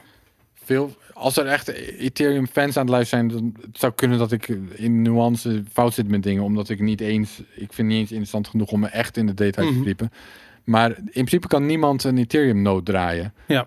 Bij wijze van... Dat is extreem Het is gewoon echt moeilijk. Ja, niet de pruned node, dat schijnt te kunnen. Maar de, de gewone full node, Ethereum full node, schijnt... Nou, zelfs dat is volgens mij nog moeilijk. Oh, ja. Mij, ja, ik weet nog dat Jameson Lop dat een keer aan het proberen was. En dat dat zelfs, dat het weer vastliep. En eh, het is gewoon echt niet zo makkelijk. En bijna niemand doet het dus ook. Wat heel veel eh, gebruikers of app, a- applications en zo, wat die in plaats daarvan doen, Mhm. is die gebruiken een API van Infura. Ja, En die wordt dus gerund ergens gewoon door een centrale partij. En die API was dus niet geupgrade voor deze accidental hard fork. ja. Dus op een gegeven moment lag half Ethereum gewoon offline. Infura is De- offline gegaan inderdaad. Ja, en daardoor half Ethereum inderdaad. En het bizarre was, je zij nog- zijn toch ook niet... Ik bedoel, de, bu- de bug was bekend. eh, maar Infura is gewoon niet verwittigd van het feit dat dit probleem bestond. Dus er was niet een fatsoenlijke disclosure eh, gang van zaken, waardoor eh, bugs gewoon gedeeld worden en opgelost kunnen worden. Ja, als je je nog afvraagt waarom Ethereum zo'n bende is. Het is niet centraal, het is niet immutable. Blijkbaar kunnen er gewoon hard forks doorheen worden gefietst. Van eh, iedereen moet nu even snel upgraden. Ja. Ja, Absoluut. Goed, laten we het eh shitcoin kwartiertje stoppen. We hebben nog één nieuwsbericht eh, wat ons bereikte. Het is tragisch als je werkzaam bent in de zorg of in de cultuursector. Dan ben je hoogstwaarschijnlijk aangesloten bij een pensioenfonds. Dat heet Zorg en Welzijn. Ehm, nu wordt het gekscherend kopzorg en buikpijn genoemd. Ehm, het is een fonds wat maar liefst 250 miljard belegt. En eh, van die 250 miljard hebben ze 8 miljard gestoken in grondstoffen. En met name de olietermijnmarkt. Eh hebben ze veel in geïnvesteerd. Nou, zoals jullie weten is de oliemarkt volkomen in elkaar geklapt eh, dit jaar. En heeft eh, het pensioenfonds Fonds Zorg en Welzijn maar liefst 53% verlies geleden in hun olietermijnmarktportfolio. Ehm, en nu verwachten ze dat dat gevolgen gaat hebben voor mensen die eh, pensioenen hebben lopen daar. Eh, premies moeten omhoog, er wordt minder uitgekeerd. Ehm, nou ja, goed, whatever. Eh, dit is problemen die je krijgt. Ehm, we hebben het aan het begin van deze uitzending heel eventjes gehad over het, mensen die het FD lezen. eh, en die dus eh, een soort van heel laat op de hoogte zijn van bepaalde dingen. Ik moet je eerlijk zeggen, ik volg een paar mensen op Twitter. Waaronder een paar mensen eh, zijn die, ehm, eh, die de, met name de oliemarkt volgen. Dit zat er al heel lang aan te komen. En ik ben iedere keer weer verbaasd dat dit soort gigantische fondsen, ik bedoel fucking 250 miljard onder beheer, dat die niet in staat zijn om fucking in te spelen op ontwikkelingen die zich voordoen in de markt. En ja, ik, ik, ik weet niet, ik, ik sta gewoon perplex. En ik vind het ook van treurig dat het nou ook de zorg is. En ik had echt nog iets van, nou gelukkig hebben ze een applaus nog, weet je. Misschien kunnen ze daar eh, pensioen van. Maar goed, het is heel cynisch, maar, maar dit is eh, hoe de overheid eh, of hoe bureaucraten met je geld omgaan. Ehm, ja, op de oud man. Koop bitcoin. Ja, denk je dat pensioenfondsen nog eens, eh, die, die ze, wanneer gaan die bitcoin kopen? Nou, als, ze- als, de, de, als ze de volle 53% van die hele 250 miljard kwijt zijn, denk ik. Kijk, dat is het ironische aan dit alles. Die 4 miljard hebben ze zo terugverdiend als je, als je dit in, eh, eh, in bitcoin belegt. En ehm, ja, ik snap dat ze het niet mogen en de regelgeving dit, regelgeving dat. Vroeger of later pikken mensen het niet meer. Weet je, ik bedoel, als ik in de zorg zou werken en ik zou veroordeeld zijn tot, tot, tot het gebruik maken van het pensioenfonds. En dat pensioenfonds is vervolgens eh, eh, met pure stupiditeit mijn pensioen aan het vergokken op de olietermijnmarkt. Dan heb ik zoiets van ja, jongens, eh, eh, eh, allemaal leuk en aardig, maar ik heb hier gewoon helemaal geen fucking zin in. Ga lekker in je vrije tijd lopen gokken, weet je. Ik bedoel, eh, ehm, dit systeem klopt niet. En dat is ook zo, want die pensioenfondsen zijn gedwongen om dat risico te nemen, omdat ze moeten gewoon die 8% per jaar pakken, weet je. Anders kunnen ze het niet tegen die inflatie opwerken. En dat, ehm, ja, dat is dus wat er nu aan de hand is. En eerlijk gezegd, die inflatie gaat nog verder omhoog. Die pensioenfondsen zullen nog meer gedwongen zijn om risico te nemen. Eh, en de, de, de cijfers zullen nog dramatischer zijn eh, dan dit. En uiteindelijk denk ik dat pensioenfondsen zullen overstappen naar, eh, naar bitcoin. Dat zal overigens, Nederlandse pensioenfondsen zullen niet de eerste zijn. Dat, Maar Matthijs Bouwman over nitwits gesproken, die straks weer voor de camera worden gesleurd, die Ja. stelde ook voor dat dat verboden zou moeten worden bitcoin. Bij pensioenfondsen. Dat, pensioen, dat werd een keer eh, Ja. in 2017 ook, voor mij kwam dat in sprake, dus zei hij dat dat verboden zou moeten worden, dat Ja. pensioenfondsen bitcoin kopen. Bureaucraten houden van dingen te verbieden. Dus dat is natuurlijk, zodra het, als, als ik het niet Hij is begrijp, geen bureaucraat, hij is gewoon een nitwit. Ja, hij is een nitwit, ik snap het. Hij is toch journalist, eh, noemt hij zichzelf. Maar eh, Hij is tv-econoom. ja, die daar. Goed. eh, oh, wat overigens nog interessant is, is dat dit het op vier na grootste verlies in de geschiedenis is. Wereldwijd, voor een pensioenfonds. Dat is een goede prestatie. Een goed zorgfonds. Ja, voor, Oh, pensioenfonds. Voor een pensioenfonds, ja. Volgens mij sowieso voor een fonds. Dus dat, eh, eh, ik zag eh, dat het het vijfde grootste ooit was. Op vier na grootste verlies ooit. Oh, lekker. Ja, 4 miljard. Gewoon eventjes op, weg, eh, poef en it's gone. Nou Aaron, ik denk dat we daarmee zijn aangekomen bij het einde van deze 69e de Bitcoin Show. Ben je er klaar voor om afscheid te nemen van onze gewaardeerde kijkers en luisteraars? Volgende week zijn we weer, hè? Ja, zeker. En hebben we dan een all-time high gezien, denk je? Denk Eh, het niet, toch? Ik denk het wel. Ik denk ja, het denk wel. je? Ik denk het wel. Ja, nou, jij zit die volgende trein week- alweer in de Ik hoop eh, de all-time high. De all-time high raket komt eraan. Muziekje op de achtergrond, trein op de achtergrond. We zitten er al bijna aan. Dus dat, eh nou jongens, we gaan het zien. Anyways, bedankt voor het kijken, bedankt voor het luisteren. Dit was Bitcoin Show. Yay! Don't trust, verify.